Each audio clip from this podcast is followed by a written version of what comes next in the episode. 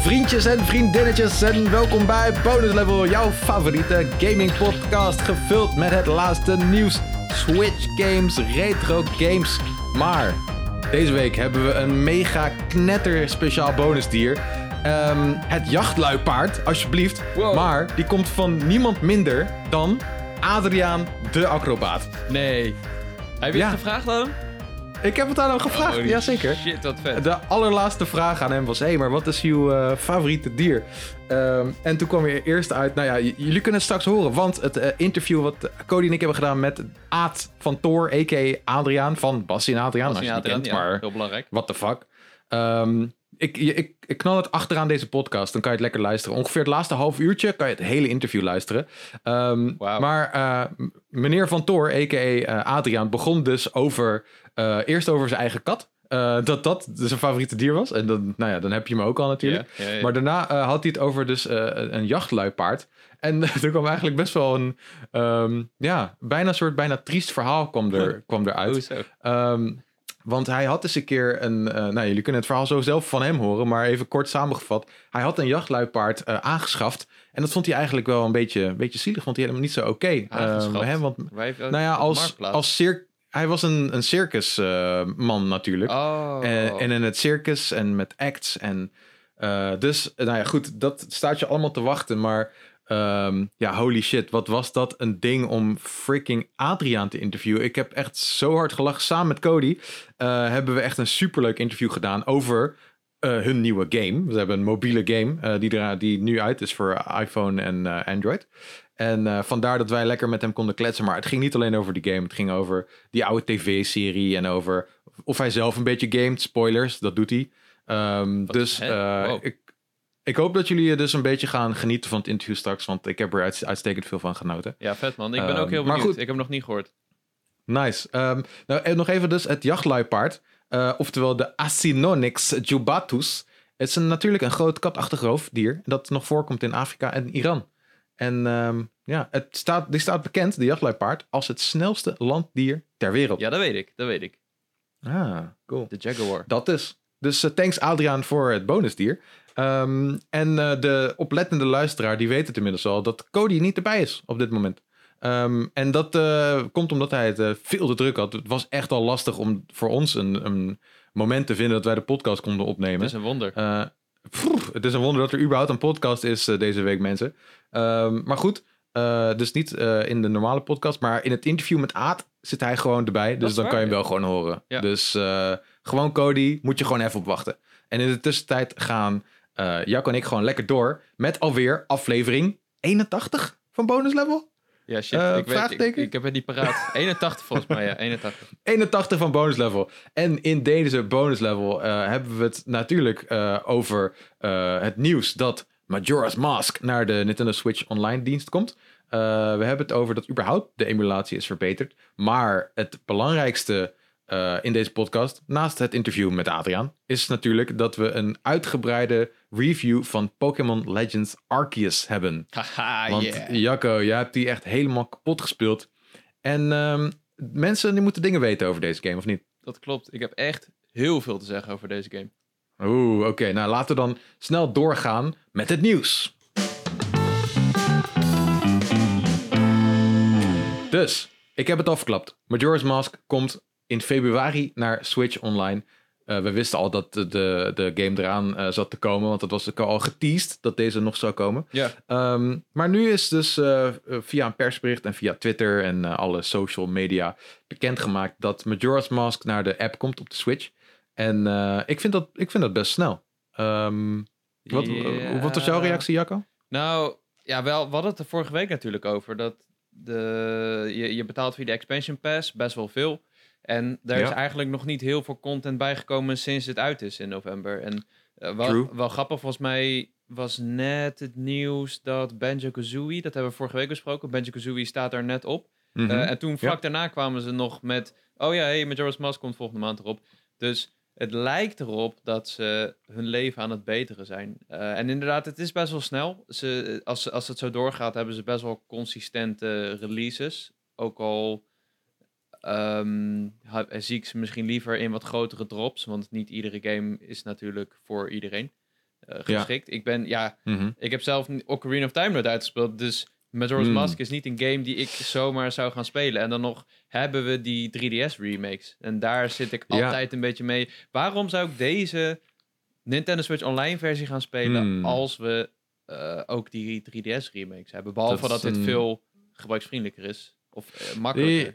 Nou ja, misschien, ik weet niet of het per se gebruiksvriendelijker is als je zeg maar, dat mensen die, die hebben nogal wat te zeiken over N64 games spelen met Joy-Cons. En met, een, met, met die N64 controller die op de Switch kan aansluiten, is het natuurlijk gewoon één op één. Maar dat het een beetje, het is een beetje clunky, dat moet je wel doen, Jacco. Maar eh, het is een beetje clunky met die knoppen, hoe die op de Joy-Con zijn gemapt. Ehm. Ja, oké. Dus ja, maar goed, ja, waarom zou je het origineel spelen en niet de remake? Is als jij de, de originele visie van Majora's Mask wil beleven. Mhm. Ehm, of misschien heb je geen 3DS liggen. Ehm, Ga jij ja, hem spelen? voor- Ga jij hem spelen als, als Majora's Mask fan? Of zeg je, nee, dat Eh, hoeft niet. Ik speel de 3DS-versie wel. ja, ik weet niet. Ik heb, ik heb niet per se echt. Ja. Weet je, misschien moet ik hem wel gaan spelen. Maar wat dus ook een ding is, ehm, je kan dus. ehm, want zeg maar, de remake, daar zijn. eh, Zeg maar remaster, remake, hoe je het ook fucking wil noemen. Mhm. Er zijn wat dingen goed aan en er zijn wat dingen minder goed aan. Eh, ik weet niet alles 100% op een rijtje, maar ik bedoel, er zijn dingen heel goed. Als in de visuals zijn enorm verbeterd natuurlijk. Ehm, eh, er is verder zijn er eh, hele slimme verbeteringen gemaakt op het gebied van gebruiksgemak. Dus er zijn gewoon wat dingen gestroomlijnd in de 3DS-versie. Maar er zijn ook een paar dingen gewoon een beetje gefakt. Ehm, en eentje die ik me alleen kan bedenken is dat het zwemmen in, ehm, in de game een beetje wat crappier was gemaakt. Terwijl dat was juist het vette. Je kon als een Zora kon je dan zwemmen en dat was cool. En het was iets onhandiger gemaakt. Maar waar ik eigenlijk stiekem wel benieuwd, naar ben. ehm, je kan dus de...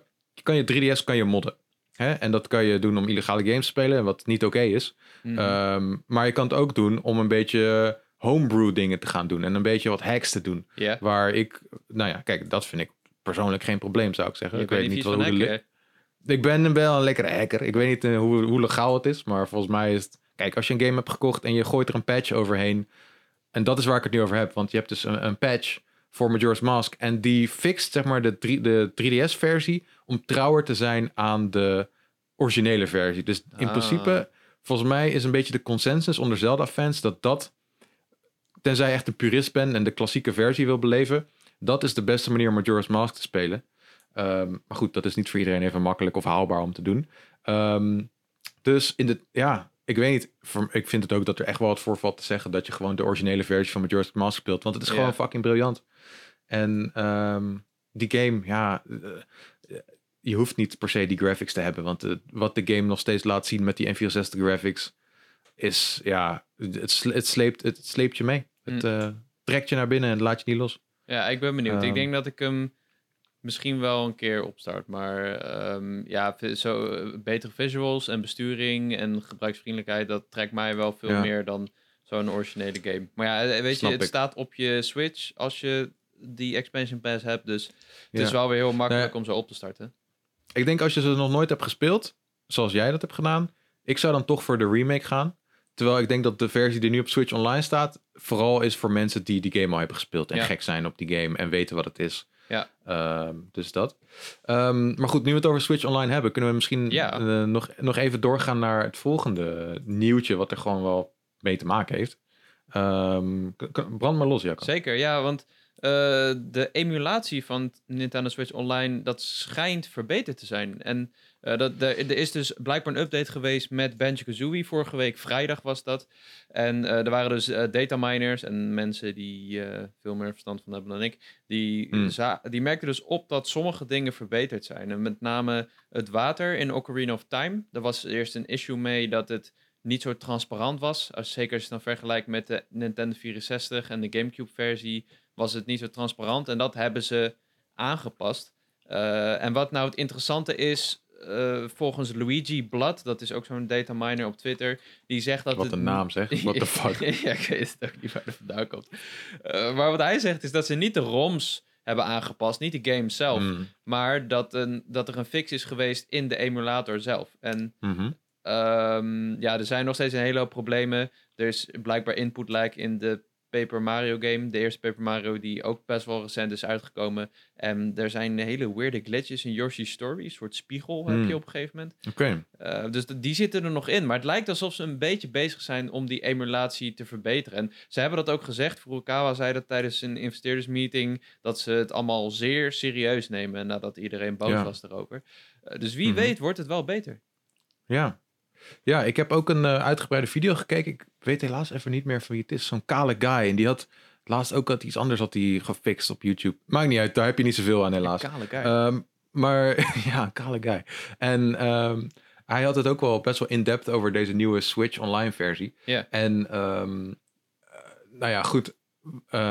De, de input lag is kennelijk voor elke game verminderd. Oké. Het is nog niet perfect. Maar dat is sowieso, denk ik, lastig met eh, emulatie. Misschien dat je altijd wel iets van input lag zou hebben. Ja. Ehm, maar eh, de input lag is in ieder geval eh, verbeterd. En dat was, is vooral ook in Ocarina of Time wel te, te merken. Oké, dat is chill. Ik, had hem, ik had hem even opgestart en ik heb wel het gevoel dat die game ietsje responsiever is geworden. Hm. Ehm, ik heb ook even Mario Kart opgestart, want ik vond dat de textures, toen ik het voor het eerst opstartte, toen Switch Online net er was, ehm, ja, hoe leg ik dit uit, te, te scherp waren. Zeg maar, je zag echt die karteltjes die- Ja.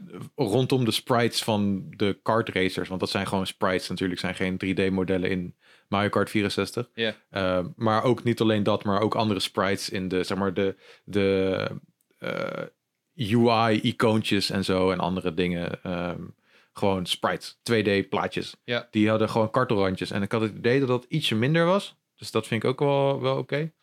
Ehm, maar er werd dus gezegd door die kale guy, ik weet nog steeds niet hoe die heet, eh, dat, ehm, dat er verschillende, dat er één soort algemene emulator is, maar dat ze soms dingen tweaken ook per game. Oké. Dus dat ze eh, dat bijvoorbeeld eh, Ocarina een aparte renderer heeft, is volgens mij wat het geval is. En dat sommige andere games dat ook hebben. Maar dat de meeste games gewoon op die standaard emulator draaien, maar dat die standaard emulator nu ook verbeterd is. Ja. Ehm, en dus wat, wat hij ook zei in die video, is dat andere mensen, ehm, de, Switch, de Switch hackers, die hebben al een ROM van Majora's Mask in de Switch Online app gehackt. Gewoon Gehackt. gedropt. Ja. En, eh, en kennelijk draait dat best goed. Dus ehm, ik denk dat we best wel eh, een prima versie van Majora's Mask kunnen verwachten. Dus dat is in ieder geval goed nieuws. Ja, dat klinkt goed. Ja, ik ben blij dat ze het aanpakken en dat het ook echt eh, Ja. Zichtbare verbeteringen heeft. Want iedereen was wel echt Ja. boos. Ja, maar ze zijn er nog niet. Hè? Bijvoorbeeld de, de mist eh, ontbreekt in Ocarina. oh, dus, eh, ja, ja, dat zag ik. Ja, dus het is ietsje beter, maar nog niet helemaal. Dus ik neem aan dat, weer, eh, dat we weer updates krijgen en dat het steeds maar beter en beter wordt. dat zal Gelukkig. best. Ja. Dus, ehm, Goed nieuws dus. cool. Ja, in principe is het goed nieuws. Ja, zeker. Zal ik de volgende Ehm, oppakken? Ja, doe het man. Eh, want er was ook nog een tweet van de componist van Chrono Cross. En ik ben... Oh ja, zo heet hij. Komt hij hoor. Yasunori Mitsuda. eh, die dus Chrono Cross en Chrono Trigger heeft gedaan. eh, wereldberoemde, legendarische componist. Eh, die zei dat, die, dat er volgende maand op zijn vroegst een nieuw project van hem wordt onthuld. En eh, waar Wow. hij dus ook de componist van is, is van de Xenoblade Chronicles games. Dus ja, er is nu wat speculatie over wat het nou precies gaat zijn. Want eh, de- hij wordt de Chrono Cross componist genoemd omdat er natuurlijk geruchten waren over een remaster of een remake die dan naar PlayStation zou komen. Uh, Mhm. Maar hij heeft natuurlijk ook eh, Xenoblade gedaan dus. En er zijn ook al een tijd geruchten dat Xenoblade Chronicles 3 ergens dit jaar moet opduiken. Daar hadden we het vorige week nog over. Die zou productieproblemen Mhm. hebben. Uh, dus ja, het is een, uh, we kunnen er niet heel veel mee. Maar het is een kleine hint dat misschien uh, de februari direct wel een Xenoblade Chronicles game aankondigt. Oeh, shit. Ja. Dat zou wel lekker zijn, toch? ja, man. Zo, ik heb echt heel veel zin in een nieuwe direct en een Pokémon direct voor in februari. Want die krijgen we normaal gesproken allebei. En maar er, er zit waarschijnlijk ook een grote State of Play aan te komen. Dus er komt sowieso Oeh. veel nieuws. Maar ik ben heel benieuwd. Maar dit State of Play, wat zou er dan enig idee wat erin komt? Um, nou, er zijn blijkbaar media-events voor ja, Horizon. Die zijn net geweest. Heb ik zelf Ja. ook meegedaan natuurlijk. Uh, en uh, Gran Turismo. En er zijn ook steeds meer kleine hints naar dat Sony zo'n Game Pass ding gaat aankondigen, weet je wel? Die Spartacus. Spicy. Vandaag waren weer PlayStation 3 games gevonden in de PlayStation 4 en 5 database. Ja, ik, ik dacht dat, ehm, dat dat dus een beetje eh, gewoon echt een soort glitch was. Ja, Met, want dat waren ook PlayStation Now prijzen volgens mij. ja, klopt. Maar vandaag was er dus weer iets gebeurd. Dat ze gelabeld werden als PS3 games. Ja, het gebeurt, Oeh. het gebeurt steeds vaker. Ik denk dat Sony wel iets gaat aankondigen binnenkort. Zeker dat omdat de Xbox alles opkoopt. Ik zou het wel tof vinden als er gewoon echt goede backwards compatibility op de PlayStation komt. Ja, man. Er zijn zoveel goede Gewoon- PS3 games. Oh, maar ook gewoon PS2 games in je PS5 kunnen doen of zo. Of inderdaad. Dat zou echt sick Ja. zijn. Ja, ik heb heel Ja, veel verkocht, helaas. PS2 games. Hmm, Oké, jammer. Ehm, goed, eh, maar goed, dus binnenkort waarschijnlijk meer nieuws over de game van de componist achter Chrono Cross. Ja, een februari direct. Waarom niet ook? Ja, toch? Hè? Ik hoop het. Ja joh, laat het gewoon doen. Ehm, laten we dan even doorgaan naar het laatste nieuwtje. Eigenlijk laatste hebben we nog twee. Eén, ja, we hebben er eigenlijk nog twee. Ehm, er is een, eh, een heel tof interview uitgekomen. En dat is eigenlijk een heel oud interview. Maar hij is voor nu voor het eerst volgens mij pas vertaald. ehm, met eh, Shigeru Miyamoto. ehm, over eh, Ocarina of Time. Ehm, wat echt... ik vond het echt super interessant. Hij is daar heel erg eerlijk over wat hij van de game vindt en wat er goed is en wat er niet goed is. En nou ja, ik, zou hem, ik, ik link hem in de beschrijving van de podcast, dus ga hem alsjeblieft even lezen. Ik heb hem ook al eh, getweet op de bonus level Twitter account. Ja. Dus eh, als ik ben vergeten hem in de beschrijving te zetten, nou ja, sorry, maar dan kan je hem daar in ieder geval vinden. Ja. Ehm, en het gaat onder andere bijvoorbeeld over dat hij, ehm, hij vindt dat er geen goed eh, idee is gegeven over wie Zelda en Link nou precies zijn en hoe er nou een link is met de vorige games. Ehm, dat, dat zeg maar hij zo van, ja, ik, zeg maar, wie is de moeder en wie, nou ja. Dus zo'n dat- intro dat- scroll moeten hebben, zoals Star Wars. Dat Ja. alles wordt uitgelegd. ja, eh, hij heeft het verder over dat er eigenlijk een chain chomp in eh Ocarina of Time zat, maar dat die het last minute eruit is gehaald. Ja, lijkt me een goed Eh, idee. Net als, nou ja, die zat ook in Link's Awakening, zat zo'n chain chomp. Ja, maar dat is een hele rare game. Dat is een hele rare game.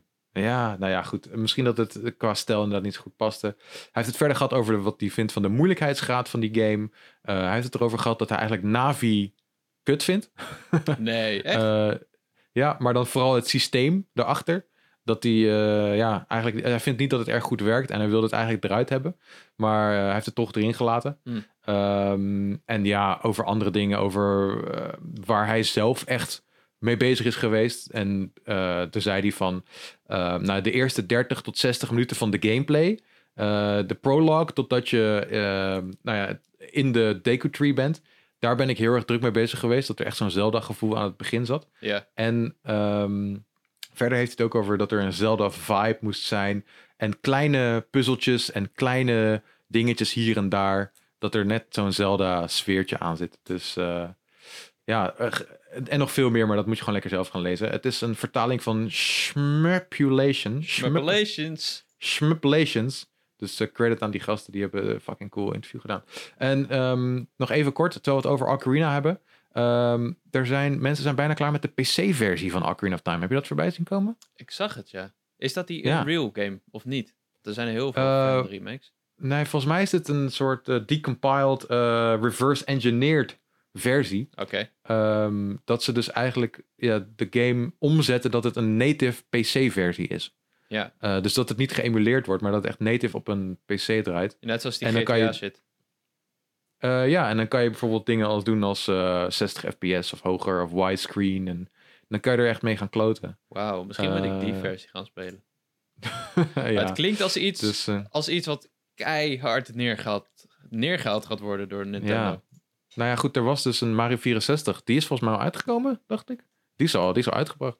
Ja? Dus het kan kennelijk wel. Oké. Ehm, dus eh, ja, we hebben wel genoeg Zelda-talk en genoeg hacker-talk deze podcast Wow, in ieder is wel geval. een thema inderdaad. Ja, eh, dus eh, ik eh, kijk uit mijn raam om te kijken of er niet politie aan zit te komen. Ehm, Goed, hey Jacco, er is nog één laatste ding wat jij even wilde benoemen. Ja, ik wil dat even benoemen. Want lieve luisteraars, ik heb jullie nodig. Eh, Eigenlijk heeft eh, Dion, mijn broertje, jullie nodig.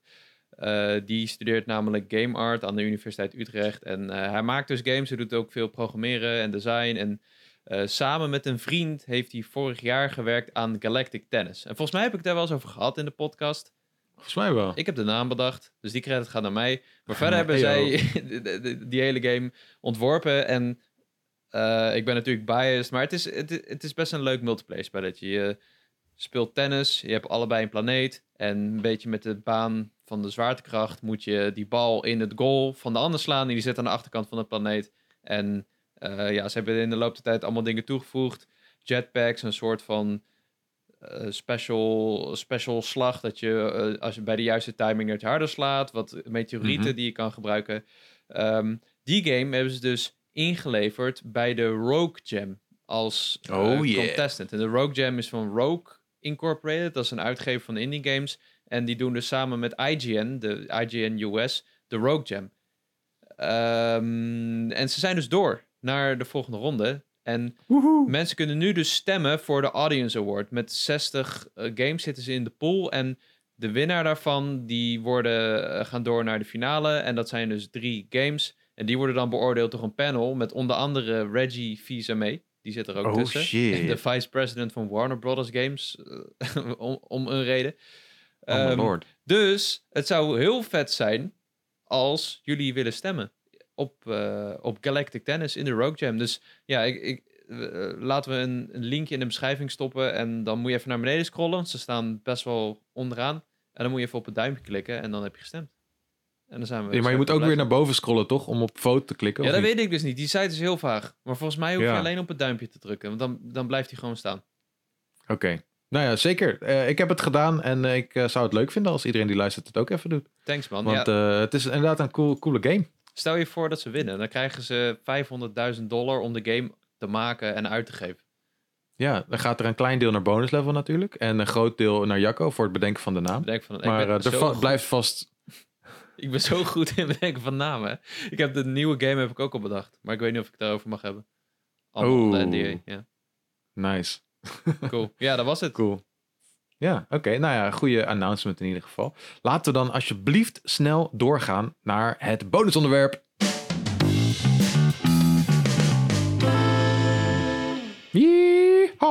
Pokémon Legends Arceus is vandaag, als de podcast uitkomt, officieel uit. Ja, Ehm, maar eh, eh, special eh, VIP man Jacco heeft hem al uitgebreid mogen spelen. Een als week, een van de weinigen in de Benelux. Ja. Ehm, en je hebt een review geschreven op pu.nl. Die Ja. staat nu online. Je hebt hem een 82 gegeven uit mijn hoofd. 82, ja. 82. Ehm, maar het is best een verrassing. Het is echt wel een rollercoaster ride die we mee hebben gemaakt met deze game. Ehm, zullen we daarmee beginnen? Ja. Nee, je hebt helemaal Het gelijk. begon gewoon, het begon gewoon als dat we, het begon met de, de eerste trailer die we zagen met, oh, dit is Breath of the Wild, maar dan Pokémon. Ja, en oh, dit ziet er echt niet zo goed uit. en de framerate is slecht. En dat soort Ja. dingen. Ehm, Maar wel veelbelovend in principe, omdat je denkt, oh, dit is wel een, een nieuwe richting voor Pokémon. Ja, nou, we wisten de afgelopen maanden natuurlijk niet zo goed wat we ervan moesten verwachten.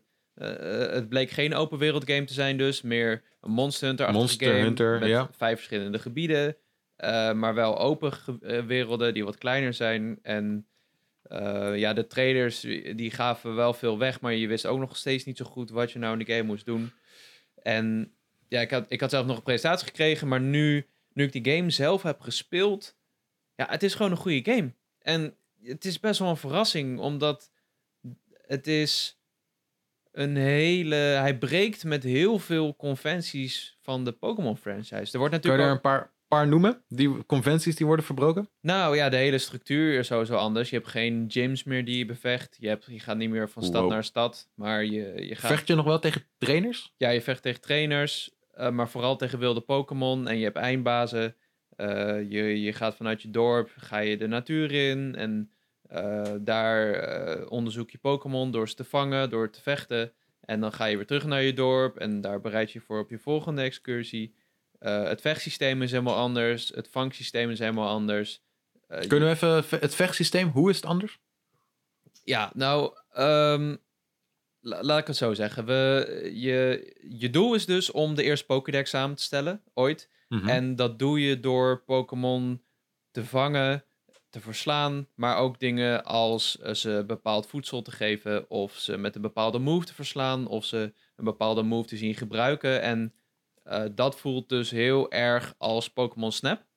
Je verdient research points en dat doe je dus aan de hand van die verschillende dingen. En je moet 10 punten bij elkaar verzamelen om die Pokédex entry compleet te maken. En hoe je dat doet, mag je dus zelf weten. Dus je hoeft echt niet, net zoals Pokémon Go, heel veel van dezelfde soort te gaan vangen. Maar je kan ook op een andere manier dat doen. Ehm, Maar je hoeft ze dus, maar je moet ze wel vangen. Of kan je ook bijvoorbeeld alleen ze voeden en observeren en weet ik veel wat. En dan dat ze ook in de Mm. Pokédex komen. ja, volgens mij moet je er eentje vangen. Oké. Ehm, maar voor de, voor de rest heb je gewoon best wel veel mogelijkheden om dat te doen. Eh, als je op excursie bent geweest in de natuur, ga je weer terug naar de professor. Dan rapporteer je je dingen. Je stijgt in eh, rank, dus je, je krijgt XP, je stijgt in rank. En als je omhoog gaat, dan krijg je weer meer geld. Komen er meer Pokeballs beschikbaar en eh, kun je weer op een volgende excursie. ja. Ehm, Dus het voelt wel echt alsof er progressie in zit op die manier. ja, die gameplay maar- is super goed, ja. Ja. Het is, het is heel bevredigend. En ja, het- het- eh, je kan het best vergelijken met Pokémon Snap, dus waar je eigenlijk niet heel veel druk hebt. Je hebt wel een, een paar uitdagingen die je kan doen, maar je, je, je wordt gewoon lekker vrijgelaten. En het, het- daarom voelt Hmm. het ook heel erg als een open wereld game, terwijl het helemaal geen open wereld game is. Want in heel veel open wereld games krijg jij een missie en dan ga je van A naar B en dan volg je Ja. waarschijnlijk een GPS met een rood lijntje. Eh, Maar je wordt eigenlijk word je gewoon in een grote, redelijk grote regio gedropt. Ja. En dan mag je gewoon maar naartoe waar je wil om te gaan exploren. Echt. Ja, dat kun, je, dat, dat kun je doen. Er is wel een hoofdverhaal en er zijn daar wel duidelijke waypoints die je kan volgen. Dus als je echt Ja, wil, kun je door het hoofdverhaal vrij snel racen. Ehm, en dat verhaal is... Het is oké voor Pokémon begrippen. Het is niet zo slecht als Sword Sword and Shield, wat ik echt een dramatisch verhaal vond. Eh, je merkt vooral dat het iets geiniger is geschreven en iets serieuzer. Je, hebt- je hebt bijvoorbeeld Mhm. een verhaal over een, een Growlithe die, Growlithe die zijn vader kwijtraakt. En eh, oh nee. er, wordt, er wordt best wel vaak gerefereerd aan de dood in deze game. eh, voor, zeker voor een Pokémon Oh. game.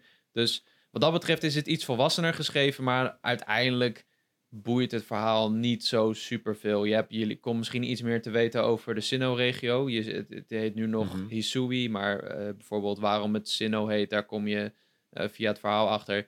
Ze, ze Oeh. introduce- introduceren best wel veel personages.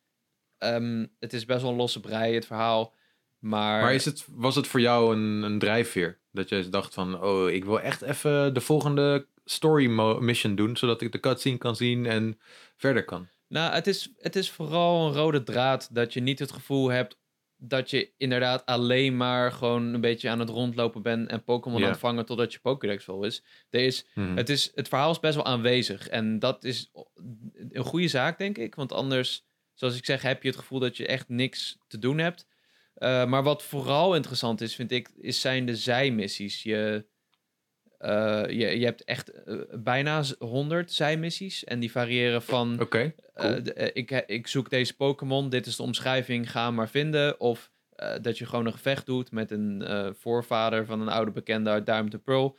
En die voelen ook heel erg vrij. Dus ehm, ik, ik, vind, ik vind dat missiesysteem, die zijn missies, waarbij je niet per se altijd naar één locatie moet, past heel Mhm. goed bij Pokémon. Want als jij een, een Pokémon game uitspeelt, dan kun je van alles doen. Maar soms weet ik zelfs niet, omdat je zo overweldigd bent, waar je moet beginnen. Ja. Ga ik eh, een, heel nieuw team breeden? Ga ik naar de Battle Tower? Ga ik mijn Pokédex completen? Maar dat moet je allemaal zelf Mhm. een beetje organiseren. En hier heb je gewoon een hele waslijst aan dingen om te doen. Dus je wordt altijd bezig gehouden. Ehm, Dus in, in dat opzicht is het, misschien, is het misschien toch wel een beetje te vergelijken met Breath of the Wild? Want daar heb je natuurlijk ook gewoon dat je enorme waslijsten aan, aan quests hebt. ja. Is dat, is het, zeg maar, kunnen we toch deze game vergelijken met Breath of the Wild? ja, ik vind, ik vind behalve- het wel. Oh, dat is weird. Wow, wat een twist. Nou, oké. Van, Als jij zegt, dit is de Breath of the Wild van de Pokémon games, dan zeg ik nee, want Breath of the Wild was zo'n grote ommekeer voor de Zelda-franchise. Dit mhm. is ook een hele andere richting voor de Pokémon-franchise, maar het is niet zo weergaloos. Het is geen 10, deze game. En eh, daar moet ik ook eerlijk in zijn. We komen vanzelf wel op de technische aspecten, wat, wat deze Ja. game een beetje eh, terughoudt. Maar het is wel... ehm, het is wel heel fris. Het is echt de meest frisse Pokémon game in jaren. En dat is heel... Je moet heel erg wennen. En om terug te komen op het vechtsysteem eh, en het vangsysteem. Ik denk dat je het vangsysteem eerst beter ervoor moet begrijpen. Je loopt dus rond in de wildernis. Daar lopen Pokémon rond. En Mhm. eh, je mikt zelf, je richt zelf je Pokéballs. Die gooien en eh, op die manier vang je ze. Je, je hebt allemaal eh, verschillende dingen waarmee je kan spelen. Dus je hebt lichtere Pokéballs, zwaardere Pokéballs. Mhm. Je hebt voedsel waarmee ze kan lokken. Ja, maar en die Pokeballs, kan je die al gelijk gooien? Of moet je eerst ook een soort van damage doen, net zoals in de normale games? Nee, Ja, je, je kan ze gewoon gooien. Oké. Ja, en als je ze dan op de rug gooit, of sommigen Mhm. liggen te slapen of die wandelen voorbij. Mhm. En als je ze aan de achterkant gooit, dan heb je een hogere catch rate. Ehm, maar het gebeurt ook gewoon dat die uitbreekt of dat hij je al ziet en je aanvalt. En dan Hmm. kun je geen pokeball meer gooien. En dan begint het, eh, begint het gevecht als jij je Pokémon inzet. Maar het is allemaal Ja. zo gestroomlijnd. Want in de praktijk loop je rond en je gooit 1, 2, 3 pokeballs als ze een beetje naast elkaar lopen. En je, je Mhm. kan gewoon weglopen. Je hoeft niet bij de Hmm. bal te blijven. Je bent altijd gewoon aan het rondlopen in de wereld. En dan zie je wel of je hem vangt of niet. En hetzelfde geldt dus voor gevechten. Je, je, hebt, je kan dus switchen van items naar pokeballs met Pokémon erin. En die, eh, op het moment dat je die in de buurt gooit van de wilde Pokémon, je hoeft hem niet eens te raken, dan begint het gevecht gewoon. En ook daar kun je zelf bij rond blijven lopen. En eh, als, je, als je ertussen gaat staan, dan word je zelfs geraakt, want Pokémon die vallen je aan, ook in deze game. Ja. Eh, en dan kun je echt doodgaan en best wel veel items Heb verliezen. je health? Ehm, ja, geen health bar, maar je hebt wel... Je kan iets van vier keer geraakt worden voordat je doodgaat. En dat En dan krijg je bij. waarschijnlijk op een gegeven moment eh, om je heen een soort rode cirkelachtige vignet. En dan moet je even wegblijven en dan is het weer oké. Precies, ja, ja, exact. Ehm, maar dat vechtsysteem is denk ik het allerbeste aan Legends Arceus. Want naast dat het zo gestroomlijnd is, dat je gevechten heel snel gaan en je loopt weer door en waardoor je dus heel snel kan grinden, ehm, is, zijn ook heel veel moves bijvoorbeeld op de schop gegaan. Je, je had in Pokémon had je heel veel moves die je meteen weggooide, zoals Growl Ja. of Leer. eh, en eh, Rest en Stealth Rock waren ook van die dingen die je gelijk wegdeed. En die laatste twee bijvoorbeeld, die zijn werken anders, waardoor ze veel interessanter zijn in deze game. En ehm, wat ook heel tof is, is dat je op ieder moment je moves kan aanpassen. Dus vroeger, je, je hebt al, nog steeds vier moves, maar eh, de- eh, op een gegeven moment gaat je Pokémon een level omhoog in de oude games. En dan zegt hij, hey, ik eh, kan een nieuwe move leren. En dan moest je kiezen, welke ga ik wegdoen en welke hou ik. En dat hoeft Ja. nu niet meer. Je kan nu gewoon swappen tussen gevechten door. Je hebt een hele lijst met moves waar je uit kan kiezen. En dat is gewoon zo fijn. Maar is dat niet ook gewoon dat je dan... Ja, dat klinkt voor mij eigenlijk als werk. dat ik me tussen de gevechten moet gaan uitzoeken, administratie doen. Nee, dat Eh, hoeft niet. welk... Nee, ja goed, het hoeft niet. Maar eh, oké, het, kan, het kan, maar het is dus niet nodig. Nou, het past heel goed bij de progressie van een Pokémon. Want jouw Pokémon stijgt een level. En in principe Mhm. krijgt hij vaak betere aanvallen. Ehm, Ja. Maar als jij een, een, een, een oudere aanval eh, terug wil... of een, een, een status eh, aanval wil kunnen doen... dan kun Mhm. je die gewoon nog erbij pakken. En je kan wisselen en je kan je zo ook een beetje instellen op een gevecht... voordat je erin gaat. Dus eh, Ja. het maakt het vooral fijner. En eh, eh, het, het tofste aan het vechtsysteem is de, het nieuwe, nieuwe strong en agile style systeem. Je hebt nu, ik heb dit vorige week ook uitgelegd, twee weken terug in de preview, met je hebt beurten en die had je altijd al natuurlijk. Het is een turn-based game. Maar nu staat ook in beeld wie wanneer aan de beurt is. En jouw snelheid van je Pokémon, maar ook je agile style move of je strong style move, die hebben daar invloed op. En ehm, beide kosten extra pp. Dus je, eh, je levert sowieso wat in.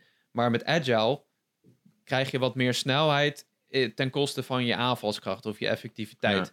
Eh, terwijl je strong style krijg je dan wat meer kracht, maar gaat je snelheid achteruit. Dus wat er kan gebeuren is dat jij bijvoorbeeld erop gokt dat je een agile style move doet, dat je, eh, zodat je een extra beurt krijgt. En die Mhm. tweede beurt gebruikt voor een strong style move. Dat je eigenlijk een one-two punch doet. Dus je doet eerst een lichtere aanval, zodat je een tweede sterkere aanval mag doen. Maar als jij die tweede aanval mist, of je, je verslaat je tegenstander niet, dan kan die ander weer twee keer, of misschien wel drie Mhm. keer aanvallen als hij veel speed heeft. Ja. Eh, waardoor je echt wel een groot probleem hebt. Want dat is nog een ander punt wat ik echt wel even wil aanhalen. Het is geen moeilijke game, maar het is wel duidelijk uitdagender dan andere Pokémon games. Het is Oh ja, geen joh. walk in the park. Ik heb echt wel moeten grinden. Eh, zeker tegen wilde Pokémon. En de- aan het einde van de postgame zit dus één hele sterke trainer. Waarvan ik zou zeggen dat hij sterker is dan Cynthia, de beruchte eh, Ja. Gen 4 trainer. Ehm, maar eh, wilde Pokémon zijn gewoon best wel sterk in deze game. En ik, het gebeurde mij gewoon dat ik met een legendary Pokémon, ik zal niet zeggen welke, maar dat ik rondliep en tegen een, een Glalie vechten, vocht, van 20 levels lager. Mhm. En dat hij hem gewoon KO sloeg. En ik denk, wat gebeurt hier nou? maar dat soort dingen gebeuren regelmatig. Ook omdat je Oh, wat leuk man. omringd kan worden door meerdere Pokémon. Ik, vanochtend was ik bijvoorbeeld nog omringd door vier Onyx van hetzelfde level. En dan moet je wel echt even aan de bak. En dan kan het gewoon gebeuren dat de helft of misschien wel meer van je team wordt uitgeschakeld. Vet man. Echt. Het, het, het klinkt echt alsof er enorm veel, nou ja, dat is gewoon zo. Conventies zijn verbroken. Ja. En dat is, lijkt me echt heerlijk verfrissend. Ja. Eh, ik heb nog, eh, ik heb hier vier vragen opgeschreven. Vier onderwerpen die ik nog ja, wil doe het behandelen. man. Ja, want we kunnen denk ik heel lang over deze game ja ik ben hebben. sorry. Maar, eh, ik ben ik heb, hierover. ik heb eh, een hele simpele, Ja, korte. Arceus of Arceus? Volgens mij is het officieel Arceus, maar Pokémon Company gebruikt het ook door elkaar. Ik dacht dat, ik, dat we hadden geleerd dat het Arceus was. En ik hoor je net Arceus zeggen. En nu begin ik weer te twijfelen. Serieus? Oh. Ehm, ja, dan weet ik het maar, ook eh, Misschien heb ik het op moeten zoeken. maar het maakt niet uit. Ik vind het gewoon wel grappig als mensen Ars zeggen. Dus daarom wilde ik het wel even weten. Mhm, Ja. Ehm, Oké, voordat we overgaan op de wat serieuzere onderwerpen, nog één vraag. Ehm, wordt het benoemd eh, dat jij als mens wilde dieren aan het vangen bent voor jezelf? Zeg maar het ethische aspect van dat jij beesten uit de natuur eh, aan het eh, verstoren bent en aan het plunderen bent, aan het bevechten bent. Wordt dat benoemd? ja, zeker. Dat is een thema Ja? verhaal. Ja, er zijn ook twee, Oh, dat is gewoon echt. ja, er zijn twee clans die het niet met elkaar eens zijn daarover. Dat is een thema verhaal. Ja. Dus dat is wel tof. Oké, cool. Dat had ik eigenlijk wel kunnen weten, want in, ook in een andere, eerdere Pokémon games zijn dat wel bekende thema's natuurlijk. Ja, ja, black and white. ehm, ja, daar, heb ik het, eh, daar zie ik het eh, inderdaad. eh, had ik het laatst gezien. Maar oké, cool. Ja. Ehm, maar het is niet dat jij het idee hebt dat jij een of andere safari-stroper bent die... zeg maar, je vindt dat er goede motivatie is waarom je al die beesten aan het vangen bent. Nou, ja, Je voelt je niet evil. nee, je voelt je niet slecht. Het is, ja, ze praten het een beetje goed. Het is lastig. Ja, ik, ik, weet niet zo goed. Iedereen wat- is vriendjes. Ja, ik weet niet zo goed wat ze erover zeggen. Ze, ze framen het een beetje als ja, alleen als we samenleven en samenwerken met de Pokémon, dan komen we verder in de maatschappij. Dat is een beetje het motivatie. Oké. Ja. Nou, ik vind het al interessant dat het wordt benoemd. Want ze, het, ja, het had ook gekund dat ze dat gewoon niet deden. Maar eh, Ja. cool. Oké, ehm, de, de line-up van Pokémon die er te vinden zijn. Wat, eh, wat kunnen we verwachten? Een mix van oud en nieuw, obviously. Maar als in, er zijn wel een paar nieuwe, toch? Maar eigenlijk niet zoveel, hè? Mm, Ja, er zijn een paar nieuwe. Ik weet niet precies hoeveel. Eh, de starters hebben sowieso nieuwe evoluties. Dus Typhlosion, Samurott en Decidueye. Ik heb ze zelf nog niet allemaal gezien. Want ehm, die moet ik nog trainen, maar die, die zijn er sowieso. Je hebt wat Hisuian versies. Hisu- Hisuian Zorark bijvoorbeeld. Dat is wel een toffe. Ehm, En ja, qua mix van Pokémon. Het zijn er niet bijster veel, moet ik zeggen. Dat is e- een klein minpuntje, vind ik zelf. Het had misschien iets meer gemogen. Aan de andere kant Hmm. zijn de werelden wel goed gevuld. En kun je voor je gevoel wel veel verschillende vinden. Mhm. Eh, ja, verder is het een mix van oud en nieuw. Maar ja, het, de, eh, het zou zomaar kunnen dat je favoriete Pokémon er niet in zit. Eh, ja, oké. Maar jij vond wel dat het een prima gevarieerde line-up was. ehm, met genoeg bekende klassiekers en ook wel eh, genoeg interessante Pokémon die misschien niet zo vaak eh, worden gebruikt. Jawel, ja, ja het er zitten zeker wat Pokémon in die je niet zo heel vaak ziet. En je, je hebt dus vijf regio's. En de ene is een soort strandgebied met eilandjes. Hmm. En de ander is een ijsvlakte. En de ander is een moerasachtig gebied. En de Pokémon hebben ze ook duidelijk erop uitgezocht. Ze passen er goed bij. Ja. Oké, cool. Ehm, ik heb hier nog een ding om te bespreken voordat ik bij mijn laatste punt kom. Mhm. En eh, dat vind ik wel. Een, eh, ik ben erg benieuwd hoe dat precies werkt. Want eh Jubilife Village is je, huis, je homebase, toch? Ja, ja. En ehm, het idee is dat je natuurlijk op excursie gaat en weer terugkomt. En we hadden iets gehoord over upgrades in je hometown. Is dat eh, een ding? Het is een ding. Niet super drastisch, maar ja, misschien had ik zelf ook iets te hoge verwachtingen daarvoor. Het is Eh, niet dat je het eh, helemaal uitbreidt met nieuwe huizen en dat je het opbouwt van scratch naar een grote stad of zo. Ja, nee, niet, niet echt. Maar als je begint, zie je wel dat ze echt nog huizen aan het bouwen zijn. En eh, alles is wat kleiner. En naarmate de game vordert, bouwen ze die huizen af en komen er ook meer mensen bij. Dus op een gegeven moment ga je ook een groep mensen ontvangen die dan zogenaamd met de boot is aangekomen eh, bij het strand. En Hmm. eh, de- dus er komen er wat meer inwoners. Ah, En is dat een beetje, is is daar best veel van dat soort content aanwezig? Dat je zeg maar bijna elke keer dat je weer een nieuwe regio hebt unlocked of zo, dat er weer nieuwe shit gebeurt? Maar het gaat geleidelijk, maar het is ook wel afhankelijk van welke zijmissies je doet. Want je kan dus ook Hmm. missies doen voor... Je hebt een kapper, dat is wel leuk. Eh, en een, een, een, een kleermaker en twee winkels. En daar kun je allemaal missies voor doen. Bepaalde zijmissies, bepaalde Pokémon vinden, grondstoffen vinden. En Ja. En dat zijn functionele kappers en kleermakers. ja, ja, ja, ja. En dan, dan wordt het aanbod groter. Maar je ziet op een gegeven moment ook dat hun winkels fysiek ietsje groter gaan worden. En dat ze meer dingen uitstallen buiten. Hmm. Eh, dus dat is tof. En je hebt ook een akker waar je dingen op kan verbouwen. Dus Mhm. je hebt, als je bijvoorbeeld een tekort hebt aan potions, dan kun je medicinale eh, eh, planten verbouwen die je nodig hebt om potions te craften zelf. En die kun je ook weer uitbreiden. Op een gegeven moment, ik weet niet tot hoe ver het gaat, maar ik heb bijvoorbeeld van, ben van 1 naar 4 akkers gegaan door een bepaalde Pokémon steeds voor hem te vinden. Eh, dus het breidt wel iets Eh, uit. Het is niet maar- heel groot, maar... Ja, Eh, wat voor mij bij games best wel belangrijk is, en ook bijvoorbeeld de Zelda-games en zo, ik, ik hou altijd van die gezellige plekjes, van de gezellige dorpjes, Ja. waar je lekker rond kan lopen, je voelt je thuis. Ja. Ehm, is dat iets wat je hebt bij Jubilee Village? Ja, ik heb op een gegeven moment wel. Aan het begin niet echt, maar het heeft wel een lekker knus gevoel. En je hebt ook veel interactie met dezelfde personages. En s'avonds ga je altijd eh, gebakken aardappelen eten bij dezelfde guy. En eh, je hebt je eigen huisje, dus je hebt wel je eigen stack. En als je daar binnenkomt, heb je ook, loop je ook op blote voeten rond en zo. En je kan eh, slapen, je items managen. Kun je daar nog iets aanpassen of upgraden? Of, nee, dat niet. Nee, oké, is jammer. maar het is, ik vind het lekker knus. Ja. Nou, ik moet zeggen, dat, omdat dat persoonlijk voor mij zo belangrijk is in games. Dit, misschien dat dit mij gaat overhalen om deze game toch te gaan spelen. Oké, daar Eh, verwacht er niet te eh, veel van dan. nee, oké, oké. Eh, nou, ik heb ook niet zoveel nodig. Goed, doe mij maar een knus dorpie en ik ben er om. Ehm, oké, misschien dat we dan een van de laatste punten moeten aansnijden als het gaat om Pokémon Legends Arceus Ja. slash Arceus. Het technische aspect. Ja, Ehm, dat is er, wel is. Er is nog wel wat eh, op het internet verschenen, want die game was al keihard gelekt, eh, volgens mij een week of twee geleden. Mhm. Eh, hadden we ook al benoemd. Maar er zijn screenshots verschenen en zo en video's. En nou ja, het, het is duidelijk dat die game er op heel veel punten gewoon nogal rough uitziet.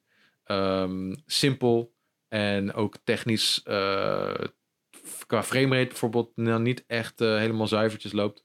Ja. Dus ik, ik, ben benieuwd hoe jij dat hebt ervaren, man. Ja, dat is allemaal waar eigenlijk. Deze game is echt best wel lelijk soms. Daar moet ik heel eerlijk in zijn. Het is, uh, het is heel ruw af en toe. Je ziet veel kartelrandjes inderdaad. De framerate kakt best wel vaak in. Je hebt ook die ride Pokémon. Die kun je heel snel door de landschappen racen. Uh, daardoor is ook wel veel pop in. Ook als je zelf hmm. door het landschap rent, is er soms ook wel veel pop in. Uh, sommige Ouch. delen ogen best wel leeg. Um, en ja, dat is best wel zonde, want die artstijl vind ik wel heel tof. En dat doet de game ook best wel goed. Je hebt, het is een hele pastelkleurige artstijl. En dat is mm -hmm. heel mooi. En dat past een beetje bij die Oosterse stijl die ze aanhouden. Het is natuurlijk gebaseerd op feodaal Japan. Mm -hmm. Dus, en onder de juiste omstandigheden kun je best wel mooie dingen in beeld brengen. Je kan de hut uitzetten en soms heb je een zonsopgang okay. en een zonsondergang. De lucht is vooral wel mooi in deze ja. game. Um, of onder een sterrenhemel aan zo'n andere rand van een klif, dan ja. is het dan is het dan is het best een mooie game en dat is heel gek in ik moet zeggen ik heb hem op de uh, vooral op een groot scherm gespeeld en dan mm -hmm. zie je heel erg de tekortkomingen maar op het moment dat ik hem op mijn Switch OLED dus op een veel kleiner scherm speel met ook een koptelefoon op, want het sound design mm -hmm. is wel heel tof. Alles is wel, het beweegt en het waait. En je, zoals ik al eerder zei, je hoort de wind en het water. Cool. Uh, dan is het best wel een prima ervaring. En dan Hmm. verhelpt het best wel veel van de problemen. Dus Ja. Ja, ik maakte eerder al een keer een grap tegen jou. Dan ga ik hem maar op mijn Switch Lite spelen. Want dan heb je een nog kleiner scherm. Ja, dat is niet eens een gek Eh, idee, man. Nee. maar, deze, maar qua techniek is het ook gewoon... In ieder geval, ik heb dus ook een paar screenshots gezien... die er echt gewoon uitzagen... waarvan ik dacht, dit is gewoon... ehm, niet per se een beperking van eh, de Switch. Want we hebben hele mooie games gezien op de Switch. Maar dit is gewoon een beetje lui, misschien zelfs. Eh, dat, en dat het ook niet heel erg consistent is. Dat sommige stukken er best mooi uitzien... en andere stukken denk je... Jezus, dit had net zo goed op de N64 kunnen zijn. Ehm, ja, ik snap het heel het- goed. Wat Ja. wilde je vragen? Nou, gewoon, eh, heb je, krijg je dat idee dat er gewoon soms gewoon een beetje slordigheden in zitten? Qua world design? Of al- character design of weet ik veel? Ja, nou, het schijnt zelfs dat Monolith van Xenoblade en zo ook heeft geholpen bij deze game. Dus, en ik keek bij de Hmm. credits en ze hebben best wel een heel uitgebreid team op het gebied van graphics. Ook best wel gespecialiseerd. Allemaal verschillende animatieteams, Mhm. environment teams. Dus ja, ik weet niet waar het aan ligt. Ja, het is Hmm. gewoon, ze, het, is, het is hun eerste echte poging eh, tot zo'n open game. En Ja. ja, het is, het, het, het is niet mooi. Uh, Ja. Maar eh, aan de andere kant speelt het wel erg, erg lekker. En gameplay boven graphics zeggen ze heel vaak. En dit is wel, Mhm. als je dat echt claimt, dan is dit wel de, de vuurdoop. Of, dat, Ja. of je dat ook echt vindt. En ik, ja, ik heb me eroverheen kunnen zetten. Af en toe kreeg ik Mm. wel echt hoofdpijn als ik als op het grote scherm zo dicht erop Oef. zat. Ja. uh, maar op een klein scherm spelen helpt gewoon. Dit is best wel een lekkere handheld game, denk ik. Ja. Uh, Oké, misschien ja. hadden ze gehoopt dat de Switch Pro er was eh, tegen de tijd deze game uitkwam. Maar dat is eh, natuurlijk niet gebeurd. Ja, nou stel de Dus, Switch eh, Pro komt uit, dan is dit wel de nummer 1 game om erop te checken, denk ik. Ja, ja, zo kan ik er wel een paar bedenken. Maar eh, dit Ja. Is, ja, het zou wel een goede zijn inderdaad. Ja. Maar, ehm, maar misschien hadden ze eh, wat meer eh, moeten leanen in de artstyle. Toch? Want het is een beetje abstract in sommige aspecten. En als ze dat wat meer hadden gedaan, dan viel het misschien wat minder op. eh, want dan is het niet per se lelijk, maar dan is het een artistieke keuze om het lelijk te maken. Ja, dat zou goed kunnen. Ja, ik heb het idee dat ze dat al een beetje hebben gedaan om dat een beetje te vullen. Maar ehm, Hmm. ja, nou zoals ik zeg, ik vind het niet altijd een lelijke game, maar het is gewoon grafisch Ja. ondermaats. En dat is ook echt het grootste minpunt van deze game. Want anders is het gewoon echt een hele fijne, frisse Pokémon game. Echt, echt gewoon een hele, hele toffe nieuwe richting, waarvan ik hoop dat ze het gewoon aanhouden voor Gen 9. Cool. Ja, Ehm, jij hoeft niet per se terug naar de klassieke Pokémon-stijl voor de, ehm, voor de volgende game. Nee man, ja, het enige wat ik mis zijn de grote steden die je dan helemaal doorzoekt. Maar dat, kan, dat past hier prima in. Dat, dat Cool. kunnen ze prima doen als ze misschien het team een beetje opschalen of zo. En Vet. eh, ja, dat toepassen op het oude concept. Ja. Cool. Hey, eh, ik besef me nu opeens Dat we Discord Jacco? vragen hebben. dat we gewoon Discord vragen hebben. We zijn al lekker lang over Pokémon bezig, wat natuurlijk Ja. helemaal goed is. Maar ehm, laten we gewoon even naar de Discord vragen gaan. Want, Ja, ik eh, kan Jacco, snel die heeft-. Ja, dat is mooi. Ik zal ze allemaal vragen, dan mag jij ze beantwoorden. Oh ja, goeie, goeie. Ehm, we hebben jullie dus, nou ja, Jacco heeft jullie gevraagd om eh, Pokémon Legends Arceus vragen in de Discord te gooien.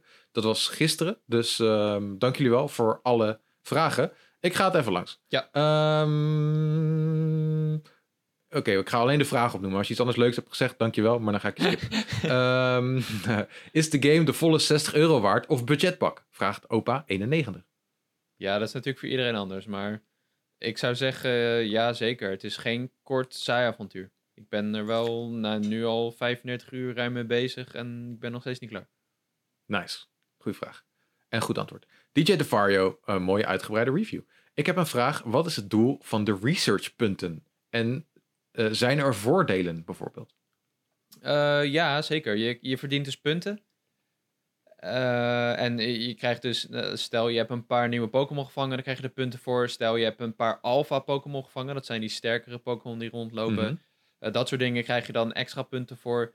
Dan stijg je weer in rank, in, in rang, in rank. En eh, je hebt 10 sterren en eh, bij elke ster die omhoog gaat, krijg je Mhm. extra spullen. Dus Ja. je, je krijgt en meer geld voor elke excursie. Dus o- op een gegeven moment ga je natuurlijk ook meer spullen nodig hebben, duurdere spullen. Dus krijg je ook iets meer geld. Maar je kan op een gegeven moment ook ultra balls craften en betere versies van heavy balls. En eh, dat zijn eigenlijk de voornaamste voordelen. Dat, eh, ze- en ik weet niet wat je krijgt als je eh, rank 10 haalt, want daar ben ik nog niet. Oeh, spannend. Ehm, Jelle heeft ook een goede vraag. Hoe zijn de verschillende regio's? Ja, gevarieerd.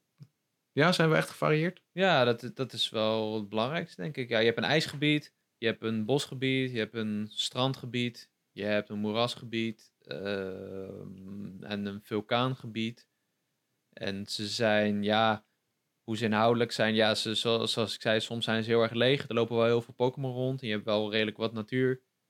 Ehm, maar ja, je, je, je, ook aan de hand van de missies en de Pokédex wissel je al heel veel. Dus ik heb echt niet het gevoel Ja. dat ik iets mis of zo. Oké, cool. Momensky, ik haal uit je review dat het een geslaagde zet is. Waar ik wel benieuwd naar ben, is de lengte van de game en of de nieuwe gameplay loop ook echt leuk blijft gedurende die tijd.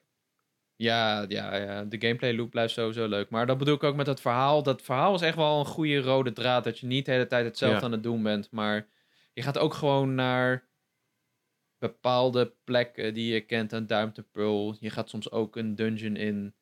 Eh, je gaat ook op zoek naar bepaalde personen. Je hebt ook gewoon die eindbaasgevechten waar ik het over had. Mhm. Eh, hoe lang duurt die? Ik denk dat ik iets van rond de 22 tot 25 uur het verhaal had uitgespeeld. Maar dan heb je Mhm. de postgame en daar gaat het verhaal eigenlijk gewoon verder. Oké, Eh, daar heb ik denk ik een uur of 28 over gedaan dan in totaal. Dus niet, Mhm. niet super lang erbij. Maar je moet dus, om het echte einde van deze game te zien, moet je de hele Pokédex completen. En hoe lang dat duurt, dat weet ik nog niet. Want Mhm. dat is best wel een klusje. Ik ben nu eerst alle zijmissies die ik nog heb aan het afwerken. Dus ik gok... Nou, je bent er sowieso wel rond de 30 uur mee bezig met deze game. Maar als Cool. je de hele Pokédex wil complete en het einde wil zien... Ja, gaan we denk ik wel aan de 50 uur. nice, cool. Eh Jesse 1280, top review. Ik lees dat je Dank steeds je. heen en weer gaat naar Jubilife. Update je progress wel in real time of pas als je excursie afrondt en terugkomt in Jubilife? Nou, ja, je hoeft niet altijd per se, per se terug naar je, naar je dorp. Je Mhm. progress update niet in real time, maar je hebt wel verschillende kampen.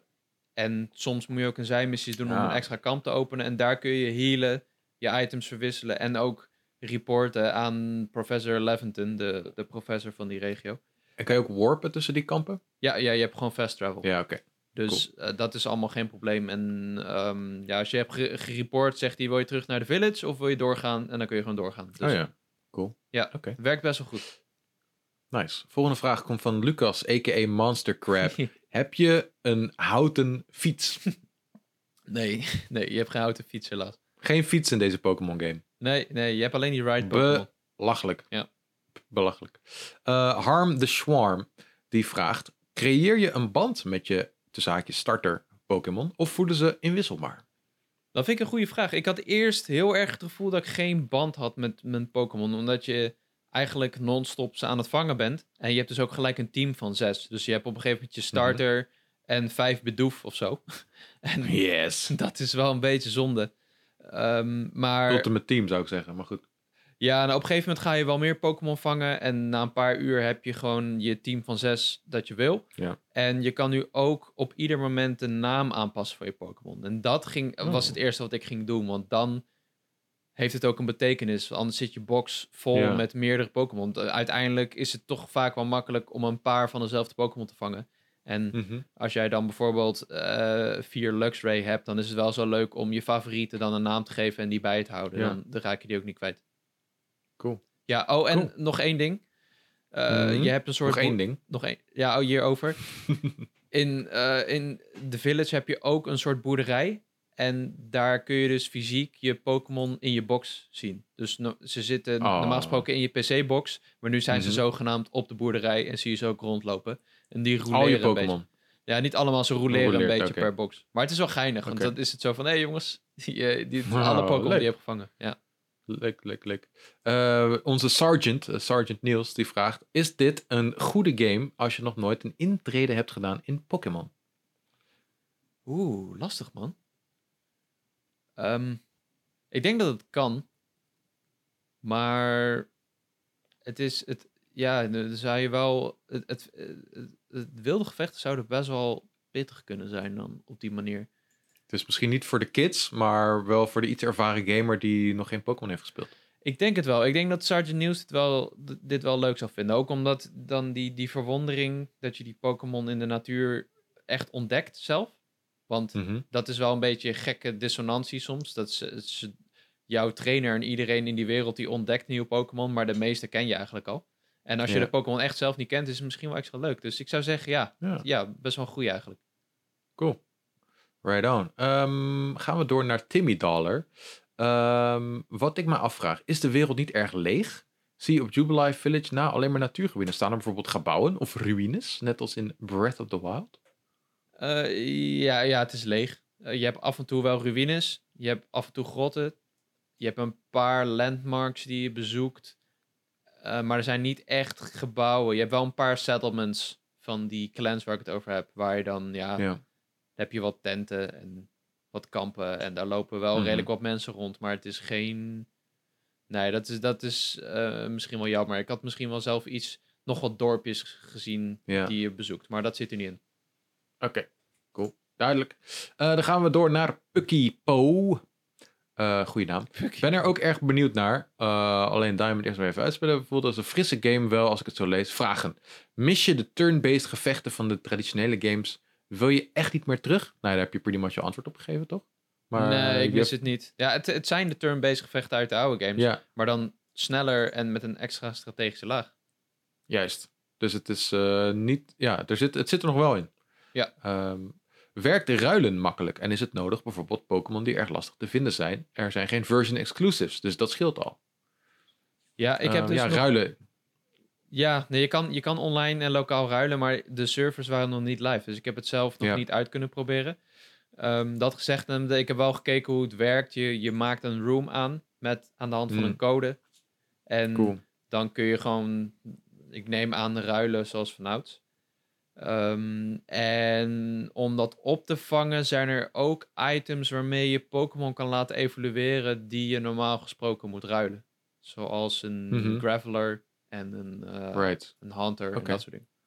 Oh, grappig. Oké. Ja. Goeie vraag, Pukipo. En we gaan nog voor de laatste van Pukipo. Ga je voor een complete Pokédex? Of heb je hem al compleet?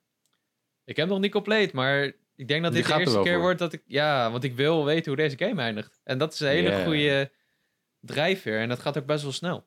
Omdat alles Leuk. zo soepel gaat. Dus ja, fuck it, ik ga het gewoon doen. Nice. Dan gaan we door naar Claudius. Die vraagt... Ik probeer te bepalen hoe vriendin-vriendelijk deze game is. Ze heeft zich prima vermaakt met Pokémon Shield. Rustig aan, beetje levelen en Pokémon verzamelen. Uit je verhaal maken op dat game wat moeilijker is, vooral tegen wilde Pokémon, is bijvoorbeeld het bewegen van de camera met de tweede stick, terwijl je met de andere stick loopt, hierbij ook belangrijk. Oeh, goede vraag wel. Dat, ja, het, een, dat het een ander soort mo- character movement is, want eh, dat kan voor sommige mensen wel een, een probleem zijn. ja nee, in principe is het de vrij standaard third-person besturing. Dus ja, Ja. Sword Shield had je dat alleen in de wild area. Ehm, nu moet ik wel zeggen dat je om te richten, je kan L1 ingedrukt houden als een Pokémon in de buurt is. Mhm. Dan, is, dan heeft hij een soort van auto-aim en dan hoef je alleen maar met je rechter trigger, je rechter eh, R2, kun je hem even ingedrukt houden, dan eh, eh, werpt hij en dan eh, la- laat hij hem los. En zo Ja. gooi je de bal. Dus je hoeft niet heel veel met de camera te draaien en heel dynamisch te zijn. Behalve Hmm. tijdens een paar eindbaasgevechten, denk ik. Dus ik denk dat het wel meevalt. Tenzij, ja, tenzij je echt niet zo goed bent in het besturen van de camera. Maar dat is een, denk ik wel een handige skill om te hebben. En ja, zo moeilijk is deze game niet. Dus ik denk dat je hier Ja. prima in kan stappen. Oké, cool. Ehm, dan hebben we nog één vraag volgens mij. We hebben hier Destiny, a.k.a. Dutch Snorlax. Hey. Is de game goed te spelen in handheld mode? Speel Pokémon meestal niet op tv, maar qua dodgen en zo ben ik benieuwd of het goed genoeg werkt. Ja, man. Ja, ja, zeker. Ik zou het gewoon aanraden misschien wel om een handheld te spelen. Lekker koptelefoon op en gaan. Nice. Ja. Oké, cool. Nou, dat waren dan alle vragen over de Pokémon Legends Arceus. Ehm, thanks iedereen voor het invullen van de Discord-vraag. Ja, We gaan wel weer een een verse verzinnen natuurlijk. Ja. Ehm, voor volgende week. Ehm, dus als je dit nu luistert en denkt... Oh, ik had eigenlijk nog wel een vraag. Of ik wilde nog iets toevoegen. Of ik heb iets anders. Eh, ja, sorry, heb je gemist. Maar nieuwe ronde, nieuwe kansen, zeggen we dan maar. En eh, ga lekker naar bonuslevel.nl of naar de Discord eh, link die je vindt in de beschrijving van deze podcast.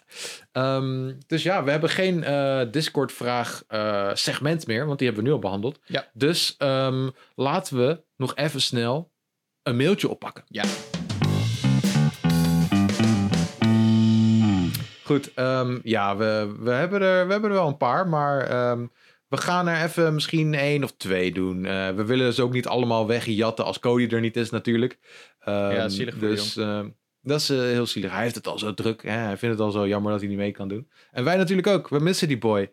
Ehm, maar goed, eh, zo gaat het. Zo is het leven soms. Zo is het leven. Ehm, de eerste van Rinku, a.k.a. Samalo. Eh, wil jij die even oplezen? Zeker. Die zegt: Yo, bonus level vrienden. Ik luister nog steeds trouw naar jullie fijne podcast. Het is zonder te overdrijven mijn favoriete podcast en ik luister er best veel. Keep up the amazing work. Oh, wat een fijn compliment, man. Thanks. De laatste tijd probeer ik elke game waar ik aan begin uit te spelen. Hiervoor speelde ik ze vaak half en verloor ik snel mijn interesse door een nieuwe of andere game. De laatste games waren bijvoorbeeld Yoshi's Island voor de SNES, Paper Mario voor de N64, Breath of the Wild Again.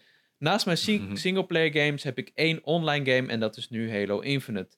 Ik merk dat de afwisseling tussen RPG, platformer en action games erg fijn is voor me. Zo heb ik de laatste jaren erg veel backlog games afgewerkt en daadwerkelijk uitgespeeld. Hoe zit dat bij jullie? Aangezien jullie games spelen voor werk lijkt me het soms chaotisch. Ook was ik nog benieuwd of jullie anime-fans zijn. Ik ben bijvoorbeeld begonnen aan One Piece. Het zijn duizend plus afleveringen wat me erg afschrok. Echter heb ik geen haast en kijk ik het op mijn gemak naast wat andere series en films. Tot de volgende en een fijne dag toegewenst. Rinku Samallo. Thanks, leuke mail man. Ja, hoe Leuke doe jij dat, Lucas? Ja, nou, we hebben het hier, wat is het, vorige week of de week daarvoor hebben we het best wel uitgebreid gehad over eh, games uitspelen ook. Ja, ja, ja. Ehm, en ehm, nee, we hadden het over guilty, of nee, de, de list of shame. Oh ja, ja, En dat ik, dat ik dus, mijn list of shame kwam er eigenlijk op neer dat ik ben gewoon eh, niet goed in games uitspelen. Ja. Ehm, en nou ja, goed, daar heb ik me inmiddels al bij, bij neergelegd. Dat is inmiddels ook voor jullie luisteraars gewoon een, eh, een bekend fenomeen. Ehm, dus eh, ja, ik, eh, tenzij een game eh, me echt, echt keihard grijpt, speel ik hem gewoon niet uit. Dan ga ik door naar de volgende game. ja. Dat is hoe ik, simpel gezegd, mijn leven leidt als het om games gaat. Maar heb jij nooit dat je soms games moet spelen in een bepaald genre terwijl je eigenlijk helemaal geen zin in hebt? Dat je, of heel veel, bijvoorbeeld dat, dat, we, dat je heel veel dezelfde games achter elkaar speelt. Want ik heb bijvoorbeeld, ja, ik speel niet, ik, ik heb niet heel veel games die ik moet spelen voor werk. Mhm. Ik denk dat Cody dat meer heeft, maar als het dan games zijn, dan is het vaak shooters. Omdat die lekker Ja. zijn om te streamen, bijvoorbeeld. Hmm. Ja, nou, ik speel voornamelijk gewoon echt waar ik, waar ik zin in heb. Ja. Ik bedoel, als hoofdredacteur van Gamer.nl mag ik zelf kiezen welke games ik wel en niet review.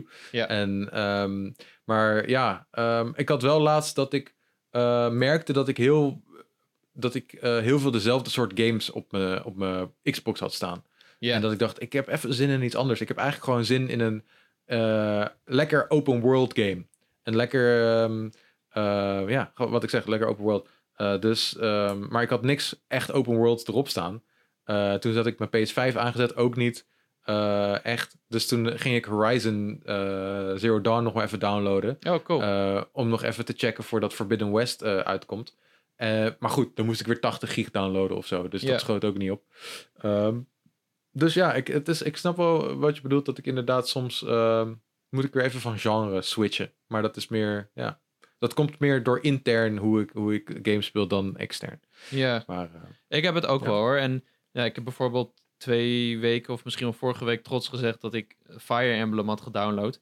Ja, dat is Ja. ook best wel een RPG. En ik weet niet of ik nog zin heb om gelijk weer verder te gaan na Legends Arceus. Omdat ik die Mhm. tussen haakjes moest reviewen. Wilde ik ook natuurlijk heel graag doen. Mhm. Eh, maar ik, ja, ik herken me zeker in Rinko's verhaal. En ik, ik wissel het graag af. Bijvoorbeeld vrijdag komt de Uncharted, vandaag dus komt Uncharted remasters uit. Ik heb ontzettend veel zin in zo'n game. Lekker lineair en het verhaal volgen. En ik denk dat ik dat gewoon ga doen. En ja, dan krijg ik weer trek in een open wereld game. En dan duik ik daarin. Eh, waarschijnlijk Ja, wordt Horizon. Ja, die variatie is nice inderdaad.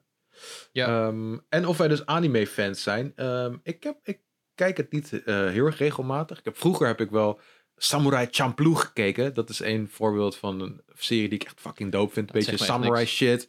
Met ook eh hip-hop soundtrack die echt heel erg cool is. Oké. Vette artstyle. Uh, en verder, natuurlijk heb ik Dragon Ball gekeken. Maar dat is eigenlijk, kan je dat bijna... Ja, het is anime, maar dat is een beetje vals spelen. Ja.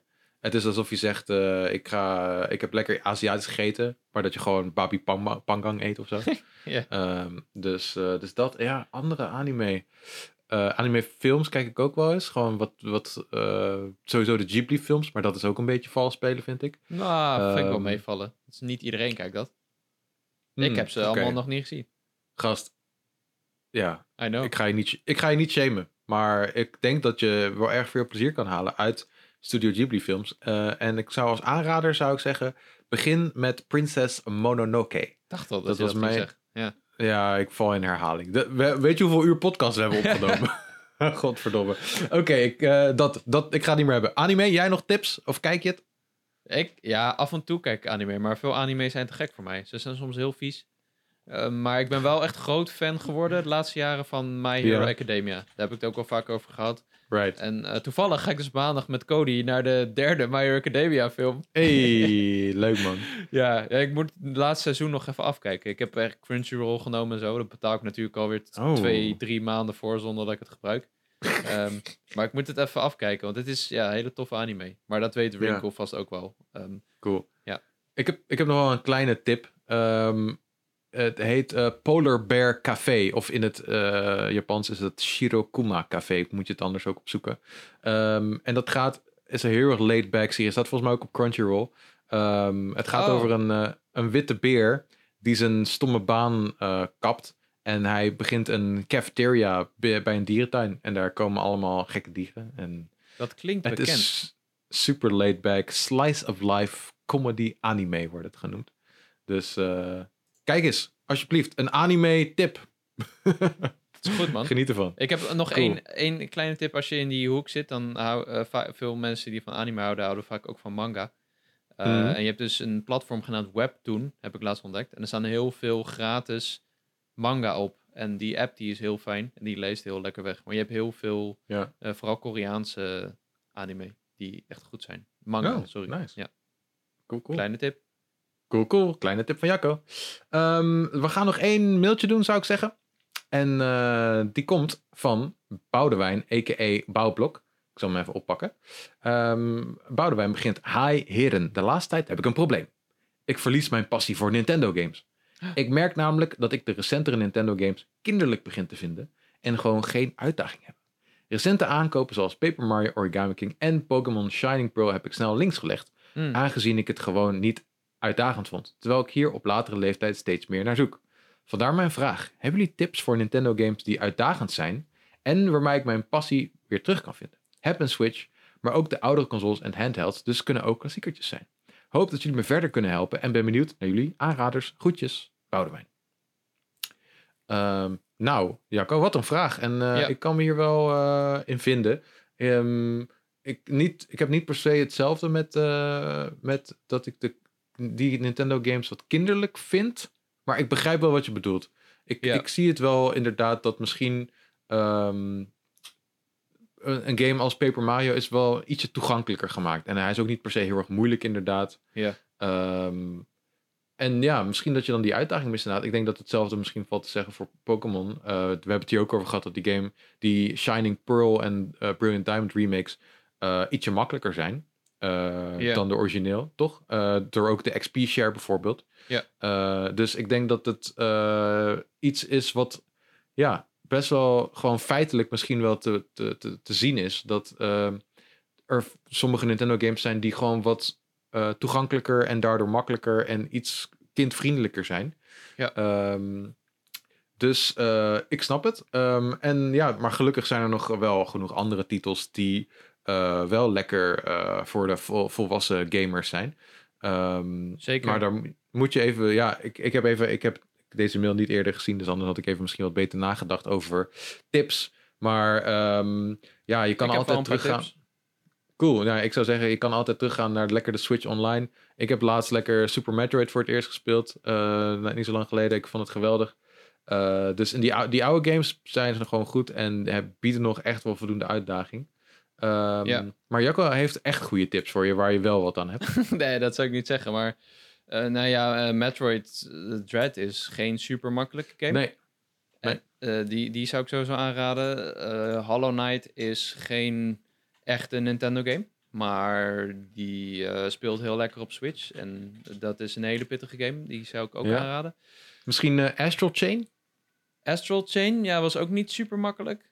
Die, dat is ook wel een goede op zich. Ehm, en ik had zelf, nou ja, sowieso Celeste is geen super makkelijke game. Oh. Hele, eh, wel een hele goede leercurve. Dus op, je, je, wordt, je wordt heel goed in die game. Dat is heel Volgens mij was die van vandaag of gisteren die game eh, vier jaar oud, als ik het goed heb gezien. Dus eh, Ja. gefeliciteerd Celeste. Gefeliciteerd Celeste inderdaad. Eh, Fire Emblem Three Houses vind ik tot nu toe ook niet super makkelijk. Dus dat is misschien Mhm, ook een ja. goede om naar te Ja. kijken. Shin Megami Tensei 5 natuurlijk. Dus, ja, is die ehm, pittig? Ja, volgens mij is het best wel een pittige RPG gewoon hoor. Best wel diehard JRPG. Dat geloof ik wel. Waar jij natuurlijk alles vanaf weet als eh Oh Shin ja, ja, hij is pittig. ja, Tensei. zeker. expert. Kijk, Ik heb er 200 uur over gedaan. Dus, eh, maar ehm, wat ik je ook nog even wil meegeven, Boudewijn, is dat eh, soms heb je gewoon ook fases. Eh, ik, ik zeg niet dat het bij jou per se zo is, maar ik zeg dat het bij mij wel zo is. Soms heb ik gewoon even dat mijn interesse op, eh, een beetje weggaat. Ja, dat is oké. Misschien ben je dan wat minder Nintendo games aan het spelen. Dat is helemaal niet erg. Dan ga je misschien of wat meer andere consoles spelen, of je gaat gewoon lekker een boek lezen of lekker tv-series eh, kijken. Maar het mooie is, het komt altijd wat terug. Ehm, dat is in ieder geval hoe het bij mij gaat. Dus eh, eh, maak je vooral niet te veel zorgen. Nee, precies. Dat vind ik een goede tip, Lucas. Kijk eens aan. Oké, ehm, dan gaan we hem eh, met die mail gaan we de mails van eh, deze week beëindigen. Wil je nou zelf een mailtje sturen? Dat kan gewoon. We hebben maar liefst drie e-mailadressen voor je in de aanbieding. bonuslevelcast.gmail.com En je mag dan zelf kiezen, is het cast met een C, met een K of een Q? Ze komen allemaal bij ons binnen. Kies het gewoon en eh, daar worden we blij van. Van leuke mails. Dus ook leuke dilemma's vinden we altijd leuk. Foto's van huisdieren vinden we leuk. Die Maar weet je wat ik nou ook leuk zou vinden? Als iemand eens een keer een grap instuurt. We hebben nog geen nee, grap nee, gehad. nee, nee, nee, hoezo? Dan krijgen we allemaal domme moppen. Dan moeten we ze voorgelezen. Ja, nou ja, een paar. Een paar dan. Lijkt me wel leuk. Eentje dan. Ehm, dus ehm, goed, ehm, dan gaan we door naar het volgende bonus, bonusonderwerp. Ja, we hadden hem al aangekondigd eh, natuurlijk. En eh, dit is eh, een flinke showstopper, zou ik zeggen. Je- jullie kunnen nu lekker gaan luisteren naar het interview dat Cody en ik hebben gedaan met Aad van Toor. Ehm, het duurt ongeveer, ja, ik weet niet, ik heb het nog niet geknipt. Dus ik denk dat het iets van 25 minuutjes is of zo. Maar het hele gesprek was zo leuk dat ik dacht, ik gooi het gewoon erin. De audio-kwaliteit zal een stukje minder zijn dan wat je tot van ons gewend bent. Maar ah, joh, het is goed genoeg. Ehm, excuses voor dat eh, Cody en ik een beetje awkward zijn soms misschien. Ja, we zijn, Waren jullie starstruck? Nou ja, ja, we waren starstruck. Adriaan, Echt Adriaan. ja, nee, maar echt. Eh, dus misschien dat wij een beetje. een beetje tikkie awkward zijn. Maar dat, dat gebeurt gewoon als je zo'n legendarische man tegenkomt. Maar ah, jullie gaan er in ieder geval nu van genieten. Veel plezier. Nou, een hele goede middag, eh, meneer Van Toor. Wat fantastisch dat wij u even kunnen spreken. Ehm, Wat geweldig meneer tegen me zegt. Oké, nou, eh, Ik ben Aad. Oké. Aad, dan gaan we gewoon lekker Aad zeggen. Eh, ik ben dus Ja. Lucas en hier naast mij, ik weet niet waar u hem ziet, is mijn eh, goede vriend en collega Cody. En, En ik ben Cody. En samen zijn we... Nee. Lucas en Oké. Ik kan je vast van tevoren zeggen, ik ben heel slecht in naam onthouden. dat maakt ook Dus helemaal dat, niet uit. Oké. Ja, Wij zullen uw naam in ieder geval niet vergeten. Ik denk dat dat het belangrijkste is. dat gaan we nooit vergeten in ieder geval. Ehm, wat een leuk nieuws dat, u, eh, eh, dat er een nieuwe Bassie en Adriaan game eh, is gemaakt en dat die bijna uit gaat komen. Ehm, mag ik eerst even, wilde ik vragen, wat is er zo speciaal aan Bassie en Adriaan en hoe is dat overgezet tot deze game? Kijk, dat, eh, de vraag wat we zijn voor Bassie, eh, wat Bassie eigenlijk is, die vraag kan ik niet beantwoorden. Hmm. Dat kan er maar één, en dat is publiek. En wat we wel gedaan hebben, zoveel mogelijk dingen gemaakt die het publiek leuk vindt. En er wordt er soms met het eh, ja, ze doen alles om het publiek te behagen. Maar mijn, mijn taak is, ik ben artiest. Mhm. En een artiest, zijn taak is het om publiek te vermaken.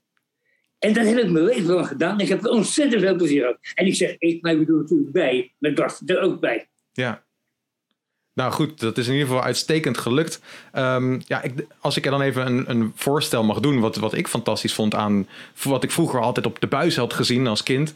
En wat ik denk dat ook overkomt in de game, ik ben benieuwd of je het ermee eens be- bent, is dat het altijd lekker positief is. En ehm, het, het gaat om, om gezelligheid en vriendschap. Is dat iets wat voor u ook belangrijk is? Eh, onze slogan is, wat er ook gebeurt, altijd blijven wachten. Ja, Ja, probeer altijd de zonnige kant te zien. ja, En, en, da- daarachter komt dan, kijk, van eh, lachen gaat de kwal niet open, maar van huilen ook niet. En dan kan je beter lachen als huilen. ja, En het is niet alleen een, een, eh, iets wat ik verkondigd heb, maar ik heb ook geprobeerd zoveel mogelijk naar te leven. Ja. En Ik denk, niet ja. van tevoren zeggen van, eh, als dan met die verkeerd gaat, zeggen, we zien het wel.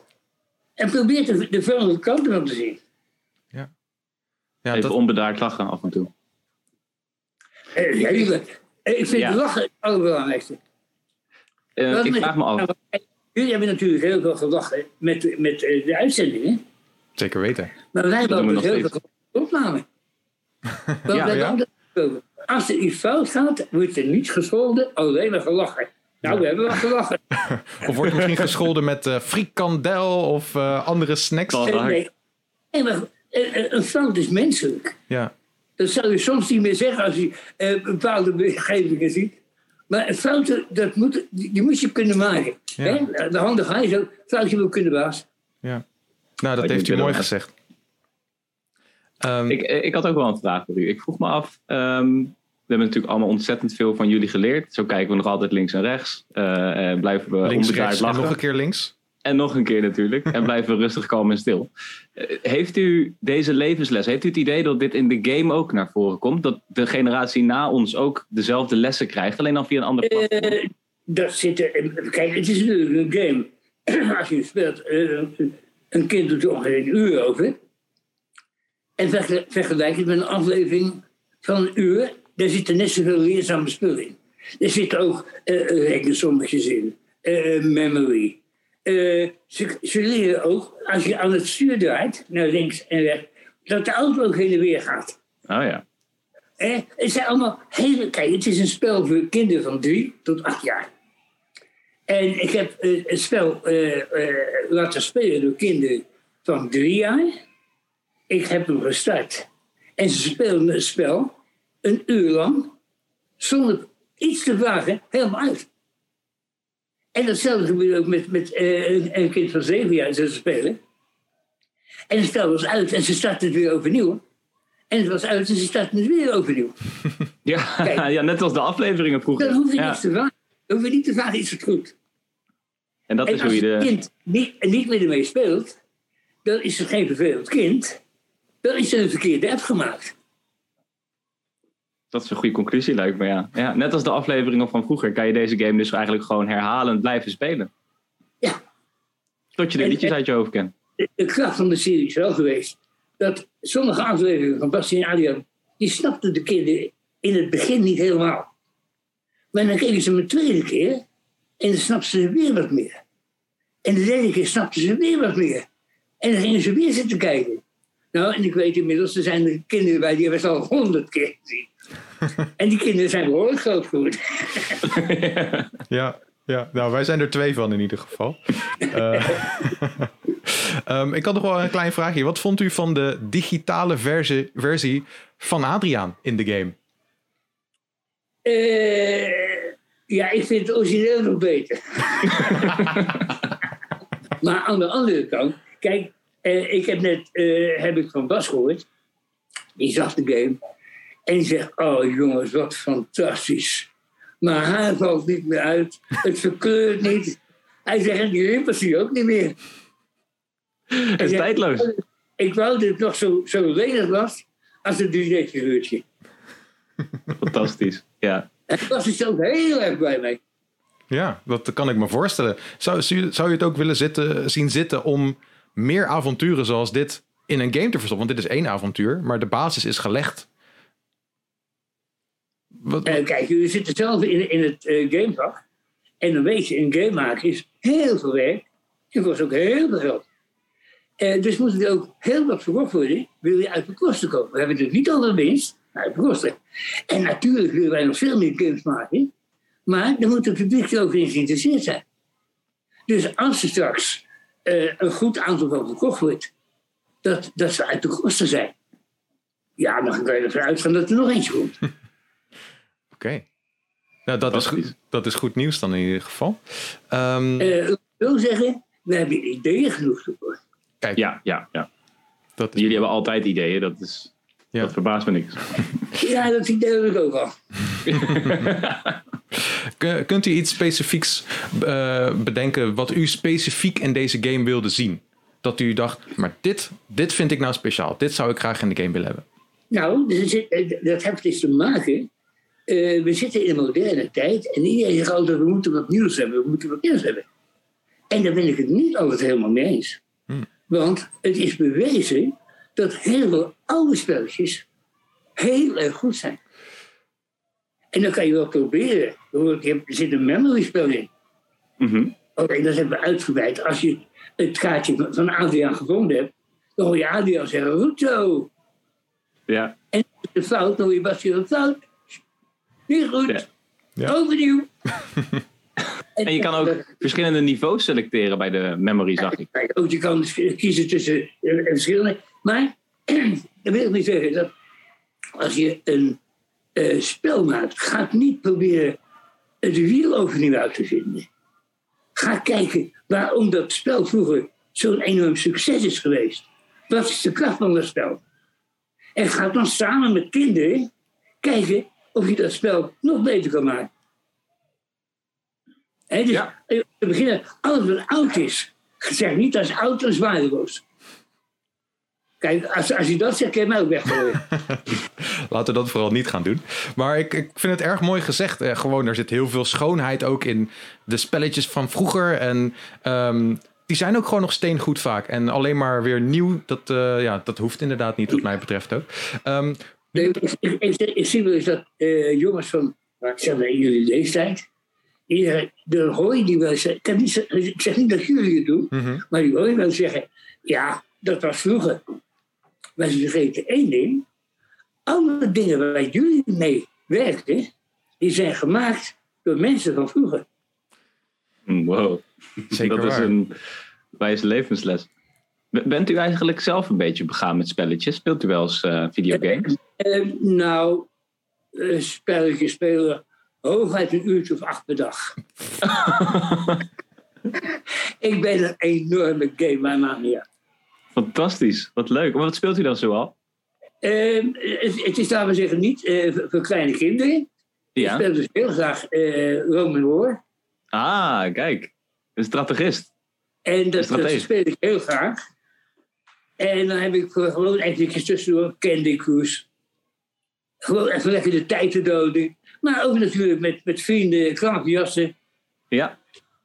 Leuk. als er een spel gespeeld wordt en ik heb maar even tijd om mee te doen, dan ben ik er. Dus ik ben echt een gamer. En dan wint u ook, toch? Vaak. Tenminste, zo kennen we Adriaan. Ik weet niet of Aad ook zo Eh, is. nou, dat is voor, voor mijn medestanders. Ze hopen dat ik win. Ik ben heel afgewezen als ik verlies. nee hoor, ik ben met het spelletje. Ik hou van, van spelletjes. En als ik verlies, nou jammer dan. Ben- Hetzelfde met voetbal. Ik ben gek op voetbal. En dan zeggen ze ja, maar je, kunt dat verloren. Ik zeg, ja, maar ik heb toch een mooie wedstrijd gezien. Want een spelletje is heel leuk.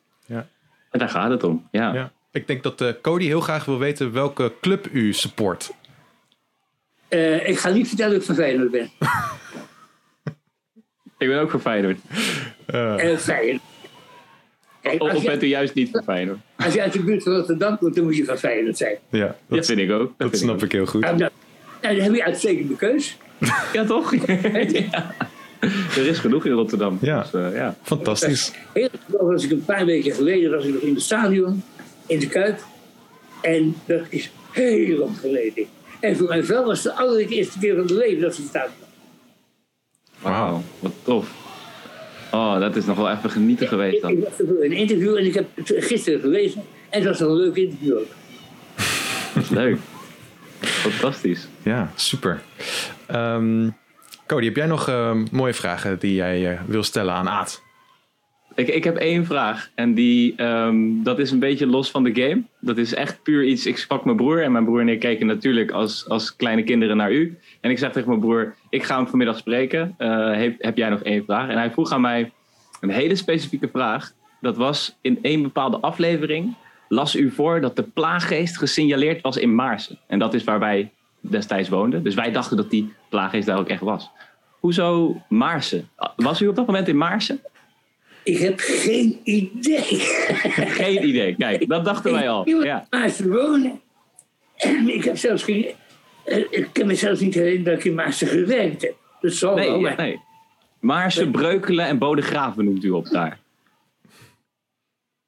Eh, dat is wel, eh, onder andere Bodegraaf is een plek waar we heel lang gewerkt hebben.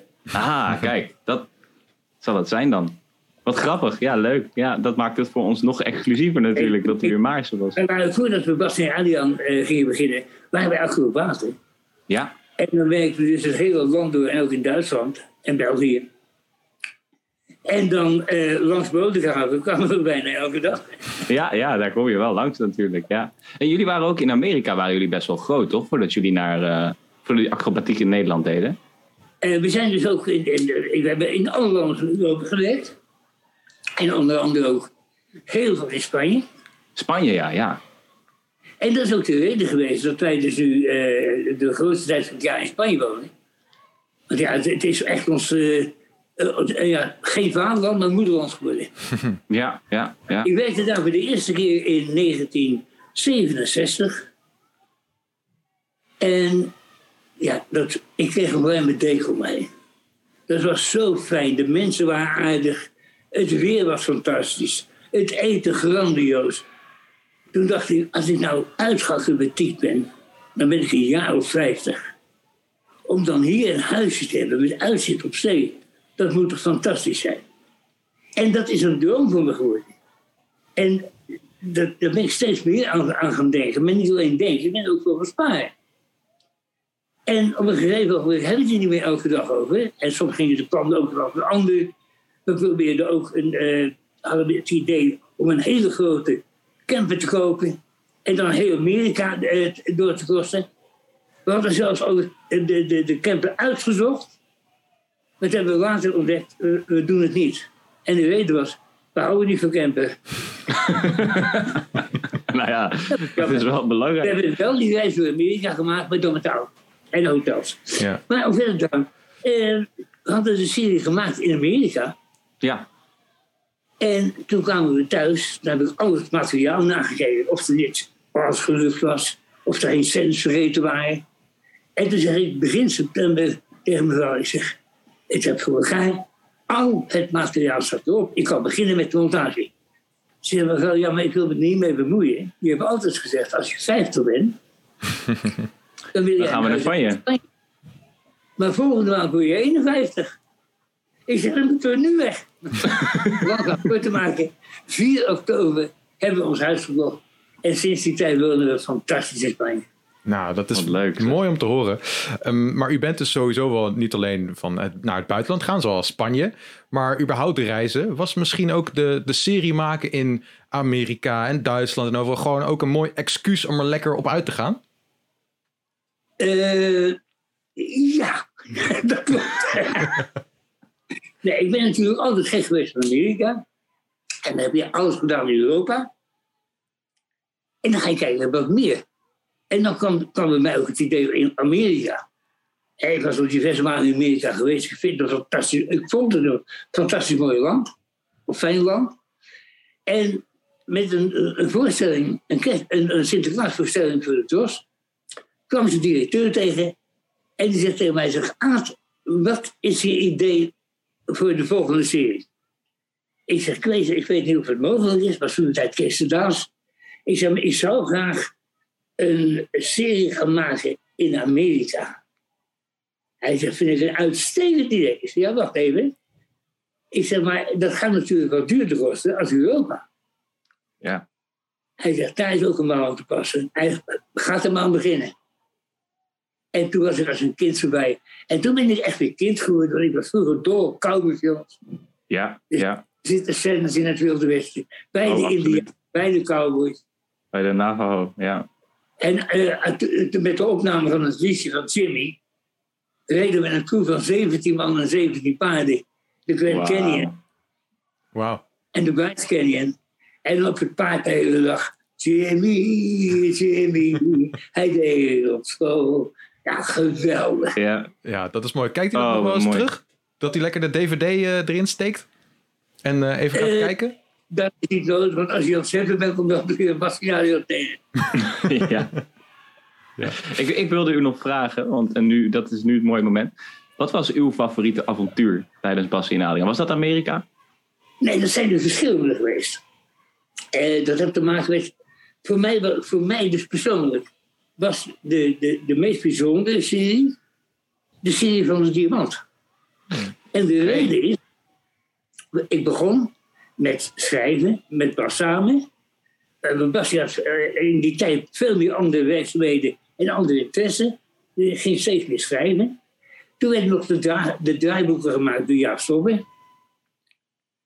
Nou, dat is na één, op, eh, één serie, heb ik gezegd, tot nooit meer.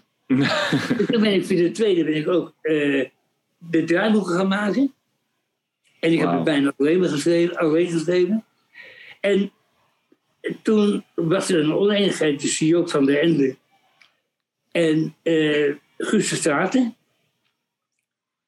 En het gevolg was, de serie moest gemonteerd worden en er was iemand voor. Toen ben ik dat gaan doen. Je hebt het zelf gemonteerd. Wauw. Ik heb het gemonteerd. En toen kwam de derde serie, toen kwam er een oneenigheid tussen de cameraman en de regisseur die we nu hadden. En het resultaat was, de regisseur trok zijn eigen terug. En je moest ook die serie gaan regisseren. En dan krijg je, als je aan het schrijven bent, dan zie je beeld. Dan zie je de time, je, je voelt de timing. Je, dan ben je regisseur en dan ga je het gaan opnemen zoals je het eh, in, in je gedachten zag. En dan ga je monteren en dan kan je ook nog eens een keer precies de timing erin brengen. Wauw. Dus de Diamant was de eerste serie die heel uit mijn handen kwam. Schrijven, regisseren, monteren, de muziek. En als je dan een heel groot waarderingscijfer krijgt van het publiek, ja, dan ben je heel erg trots. Ik, ik weet wat ik vanavond ga doen. De Ruwe Diamant kijken. Want ik, ik wist dat oprecht niet, dat u alles zelf deed. Dat is bizar. Wij zitten natuurlijk ook in een medialandschap. Misschien wel Oh, nieuwe media. Maar alles zelf doen, wauw. Ik ben eh, weggeblazen. Echt. Maar ik moet er wel bij zeggen, daar gaat heel veel werk in zitten. ja, ja. Ja. En toen maakten we nog op, op, op film. En dan ben je met de handschoentjes aan, met de film gemonteerd. Door de machine halen. Heel voorzichtig, want elke beschadiging die zat ook in de uitzendband. Dus je moest wel heel voorzichtig zijn. En als je dan aan het einde van de dag, een, heb ik het over een werkdag van 10 uur. Als je dan twee minuten film had gemonteerd, had je een hele goede dag gemaakt. Wauw. Dus Zo dan. echt eh, Nee, is zo. Nee, maar moet je luisteren, die wangen onder mogen, die heb ik niet voor niks gekregen. Nou, u heeft heel goed werk geleverd in ieder geval. Ik denk dat u daar enorm trots op kunt zijn. Ehm, is er nog iets wat, wat wij zijn vergeten te vragen over de game? Ehm, wat u kunt bedenken waarvan ik dacht, oh, dit wilde ik nou echt graag kwijt. En wat het is, het allerbelangrijkste, de kinderen moeten mee, mee spelen. En als ze ermee spelen, dan zijn ze verkocht. Ja, meer kan ik ook niet zeggen. Ja, Het is voor kinderen van drie tot acht jaar. Die hebben er ontzettend veel plezier mee. En wat ik zeg, het is leuk, gezellig. De kinderen zijn trots als ze het spel uitgespeeld hebben. En het allerbelangrijkste, ze lachen. Te lachen. Dat ja. is het ja, want het inderdaad. is, ik heb ook al gelachen, want het is zo goed gedaan dat jullie zinnetjes uit de serie erin terugkomen. Het is echt heel erg leuk. Ik hoop dat jullie ook plezier mee ja nou, dat, eh, Absoluut. ik, heb hem, ik heb hem al uitgespeeld. Ik voel me ook heel erg trots. Ik heb goed gelachen. Eh, dus eh, het is in dat opzicht al een succes, zou ik zeggen. Eh, kijk, maar het is wel zo, als jij het speelt, dan ben je weer kind. Als ik het dan begin te spelen, dan zeggen ze hij is kind. Nou, Nou, ik, ik heb nog één afsluitende vraag voor u, Aad. En dat is uh, de puur, puur uit interesse van mijzelf en van Lucas. Um, ik leef al zo lang als ik me kan herinneren met een aantal levenslessen van u in mijn hoofd. En ik, ik, wil me, ik, ik vroeg me af, heeft u nog iets nieuws geleerd in de tijd na Bassie en Adriaan, wat u mij of Lucas zou mee willen geven voor de rest van ons leven? Nee, ik ben eigenlijk doorgegaan op dezelfde manier. Alleen dan eh, onderweg naar de leeftijd van 80 jaar, dan kom je dus eh, momenten tegen. En dan gaat het een beetje tegen. En dan ben ik blij dat ik één ding heb onthouden. Wat er ook gebeurt, altijd blijven lachen. Want dat lachen heb je soms nodig in je leven. Ik vind het fantastisch. En ik hoop dat nu dat iedereen weer kan lachen. Want je, ik zal niet zeggen, ik ben eh, vier maanden eh, uit Nederland weg geweest. En we zijn dus sinds twee dagen weer thuis. En ik kan nog niet zeggen van, jongen, jongen, wat is hier een vogelboel. ja. We hebben in Spanje net zoveel als hier. Maar daar zie je de mensen wel lachen. Dan is het maar goed dat we nu een game hebben gekregen van u en uw ontwikkelaars. Waar we lekker om gaan lachen. Doe dat. Ja. Oké. Nog één laatste vraag. Oh. Als dat mag. Um, wij, uh, wij hebben er altijd een. Uh, wij doen een podcast. En daar doen wij altijd. Elke week hebben wij het over een speciaal dier. Dan lichten wij altijd een dier uit. Dus ik wilde u vragen. Heeft u nog een favoriet dier die wij dan kunnen benoemen tot het dier van de week? Nou, kijk, uh, we hebben natuurlijk een favoriet dier. En dat is onze kat. En uiteindelijk deze nu in Spanje. Zonder ons. Oh. Dus dat is echt heel erg. Maar een ander uh, heel mooi dier, en dat heb ik dus, uh, een van de dingen waar ik spijt van heb gehad in mijn leven, en dat was een jachtluipaard. Wauw. En een uh, broer van mij, een andere broer, die wilde goochelaar worden. En toen heb ik gezegd, joh, uh, Siegfried en Roy in Amerika, die begon ook met een jachtluipaard, waarom neem je die ook niet heen? En hij heeft dat toen gedaan. Hij heeft een jachtluipaard gekocht, dat komt toen de tijd nog. Mm En al jaar later, dat beest is in de, in, de, in, de, in de wildernis afgevangen, bij de boerder weggehaald. En die wordt dan verkocht. Mm. En daar heb ik ontzettend veel spijt van gehad. Ik heb, het dier is fantastisch bij ons verzorgd. Ik heb een tand gemaakt. Ik ben heel veel met hem wezen wandelen. Hij kwam ook eens een keer bij ons thuis op visite. Dat was allemaal perfect. Wat leuk. Maar toen ben ik later een safari wezen maken in Zuid-Afrika. En dan zag ik een sitamoeder met drie welpjes. Toen dacht ik, en door mijn schuld is ooit één zo'n welpje weggehaald. En daar heb ik heel veel spijt van gehad. Nou ja, gelukkig heeft u zelf uh, toegegeven dat het helemaal oké is om fouten te maken, toch? En dat we daarvan leren. Het is zelfs ik maak fouten, Kena. Zelfs de enige echte. En ik ben er wel ah. overschreden. Gelukkig niet bij het verdedigen van Nederland tegen de plaaggeest. Daar deed u alles goed namelijk.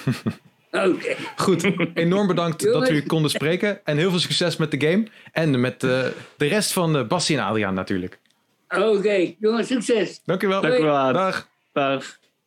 Dus dat was het legendarische interview. Ja, dat was toch genieten. Dat was genieten. Jullie waren wel een beetje awkward inderdaad. nou, klein, klein beetje. Klein maar. beetje. Maar ja, dan horen uh, mensen maar... ook hoe jullie buiten de podcast zijn. Zo die stoere nou, ja. en dan... Uh... Wat, ja, precies. nee, grapje. Ja, leuk man. Ja, en uh, nou ja, natuurlijk gewoon dank aan uh, meneer Aad van Tor voor het doen van dit interview. Ook het special thanks aan Dennis Mons de Wonderspons. Oh. nee, Dennis Mons de Wonderspons, die dit interview voor ons heeft geregeld. Oh, echt waar? Oh, jezus. Ja. Ah, nu snap ik het, dat hij ervan wist. Ja, precies. Ik snap het. Dus, uh, nou goed. Dus ik hoop dat jullie een beetje hebben genoten, guys. En um, ja, um, dat, ik denk dat jullie het wel leuk vonden om Cody ook even te horen. Hè? Dan zat hij toch lekker in de podcast. Ja. Dus um, dan gaan we hem lekker afsluiten.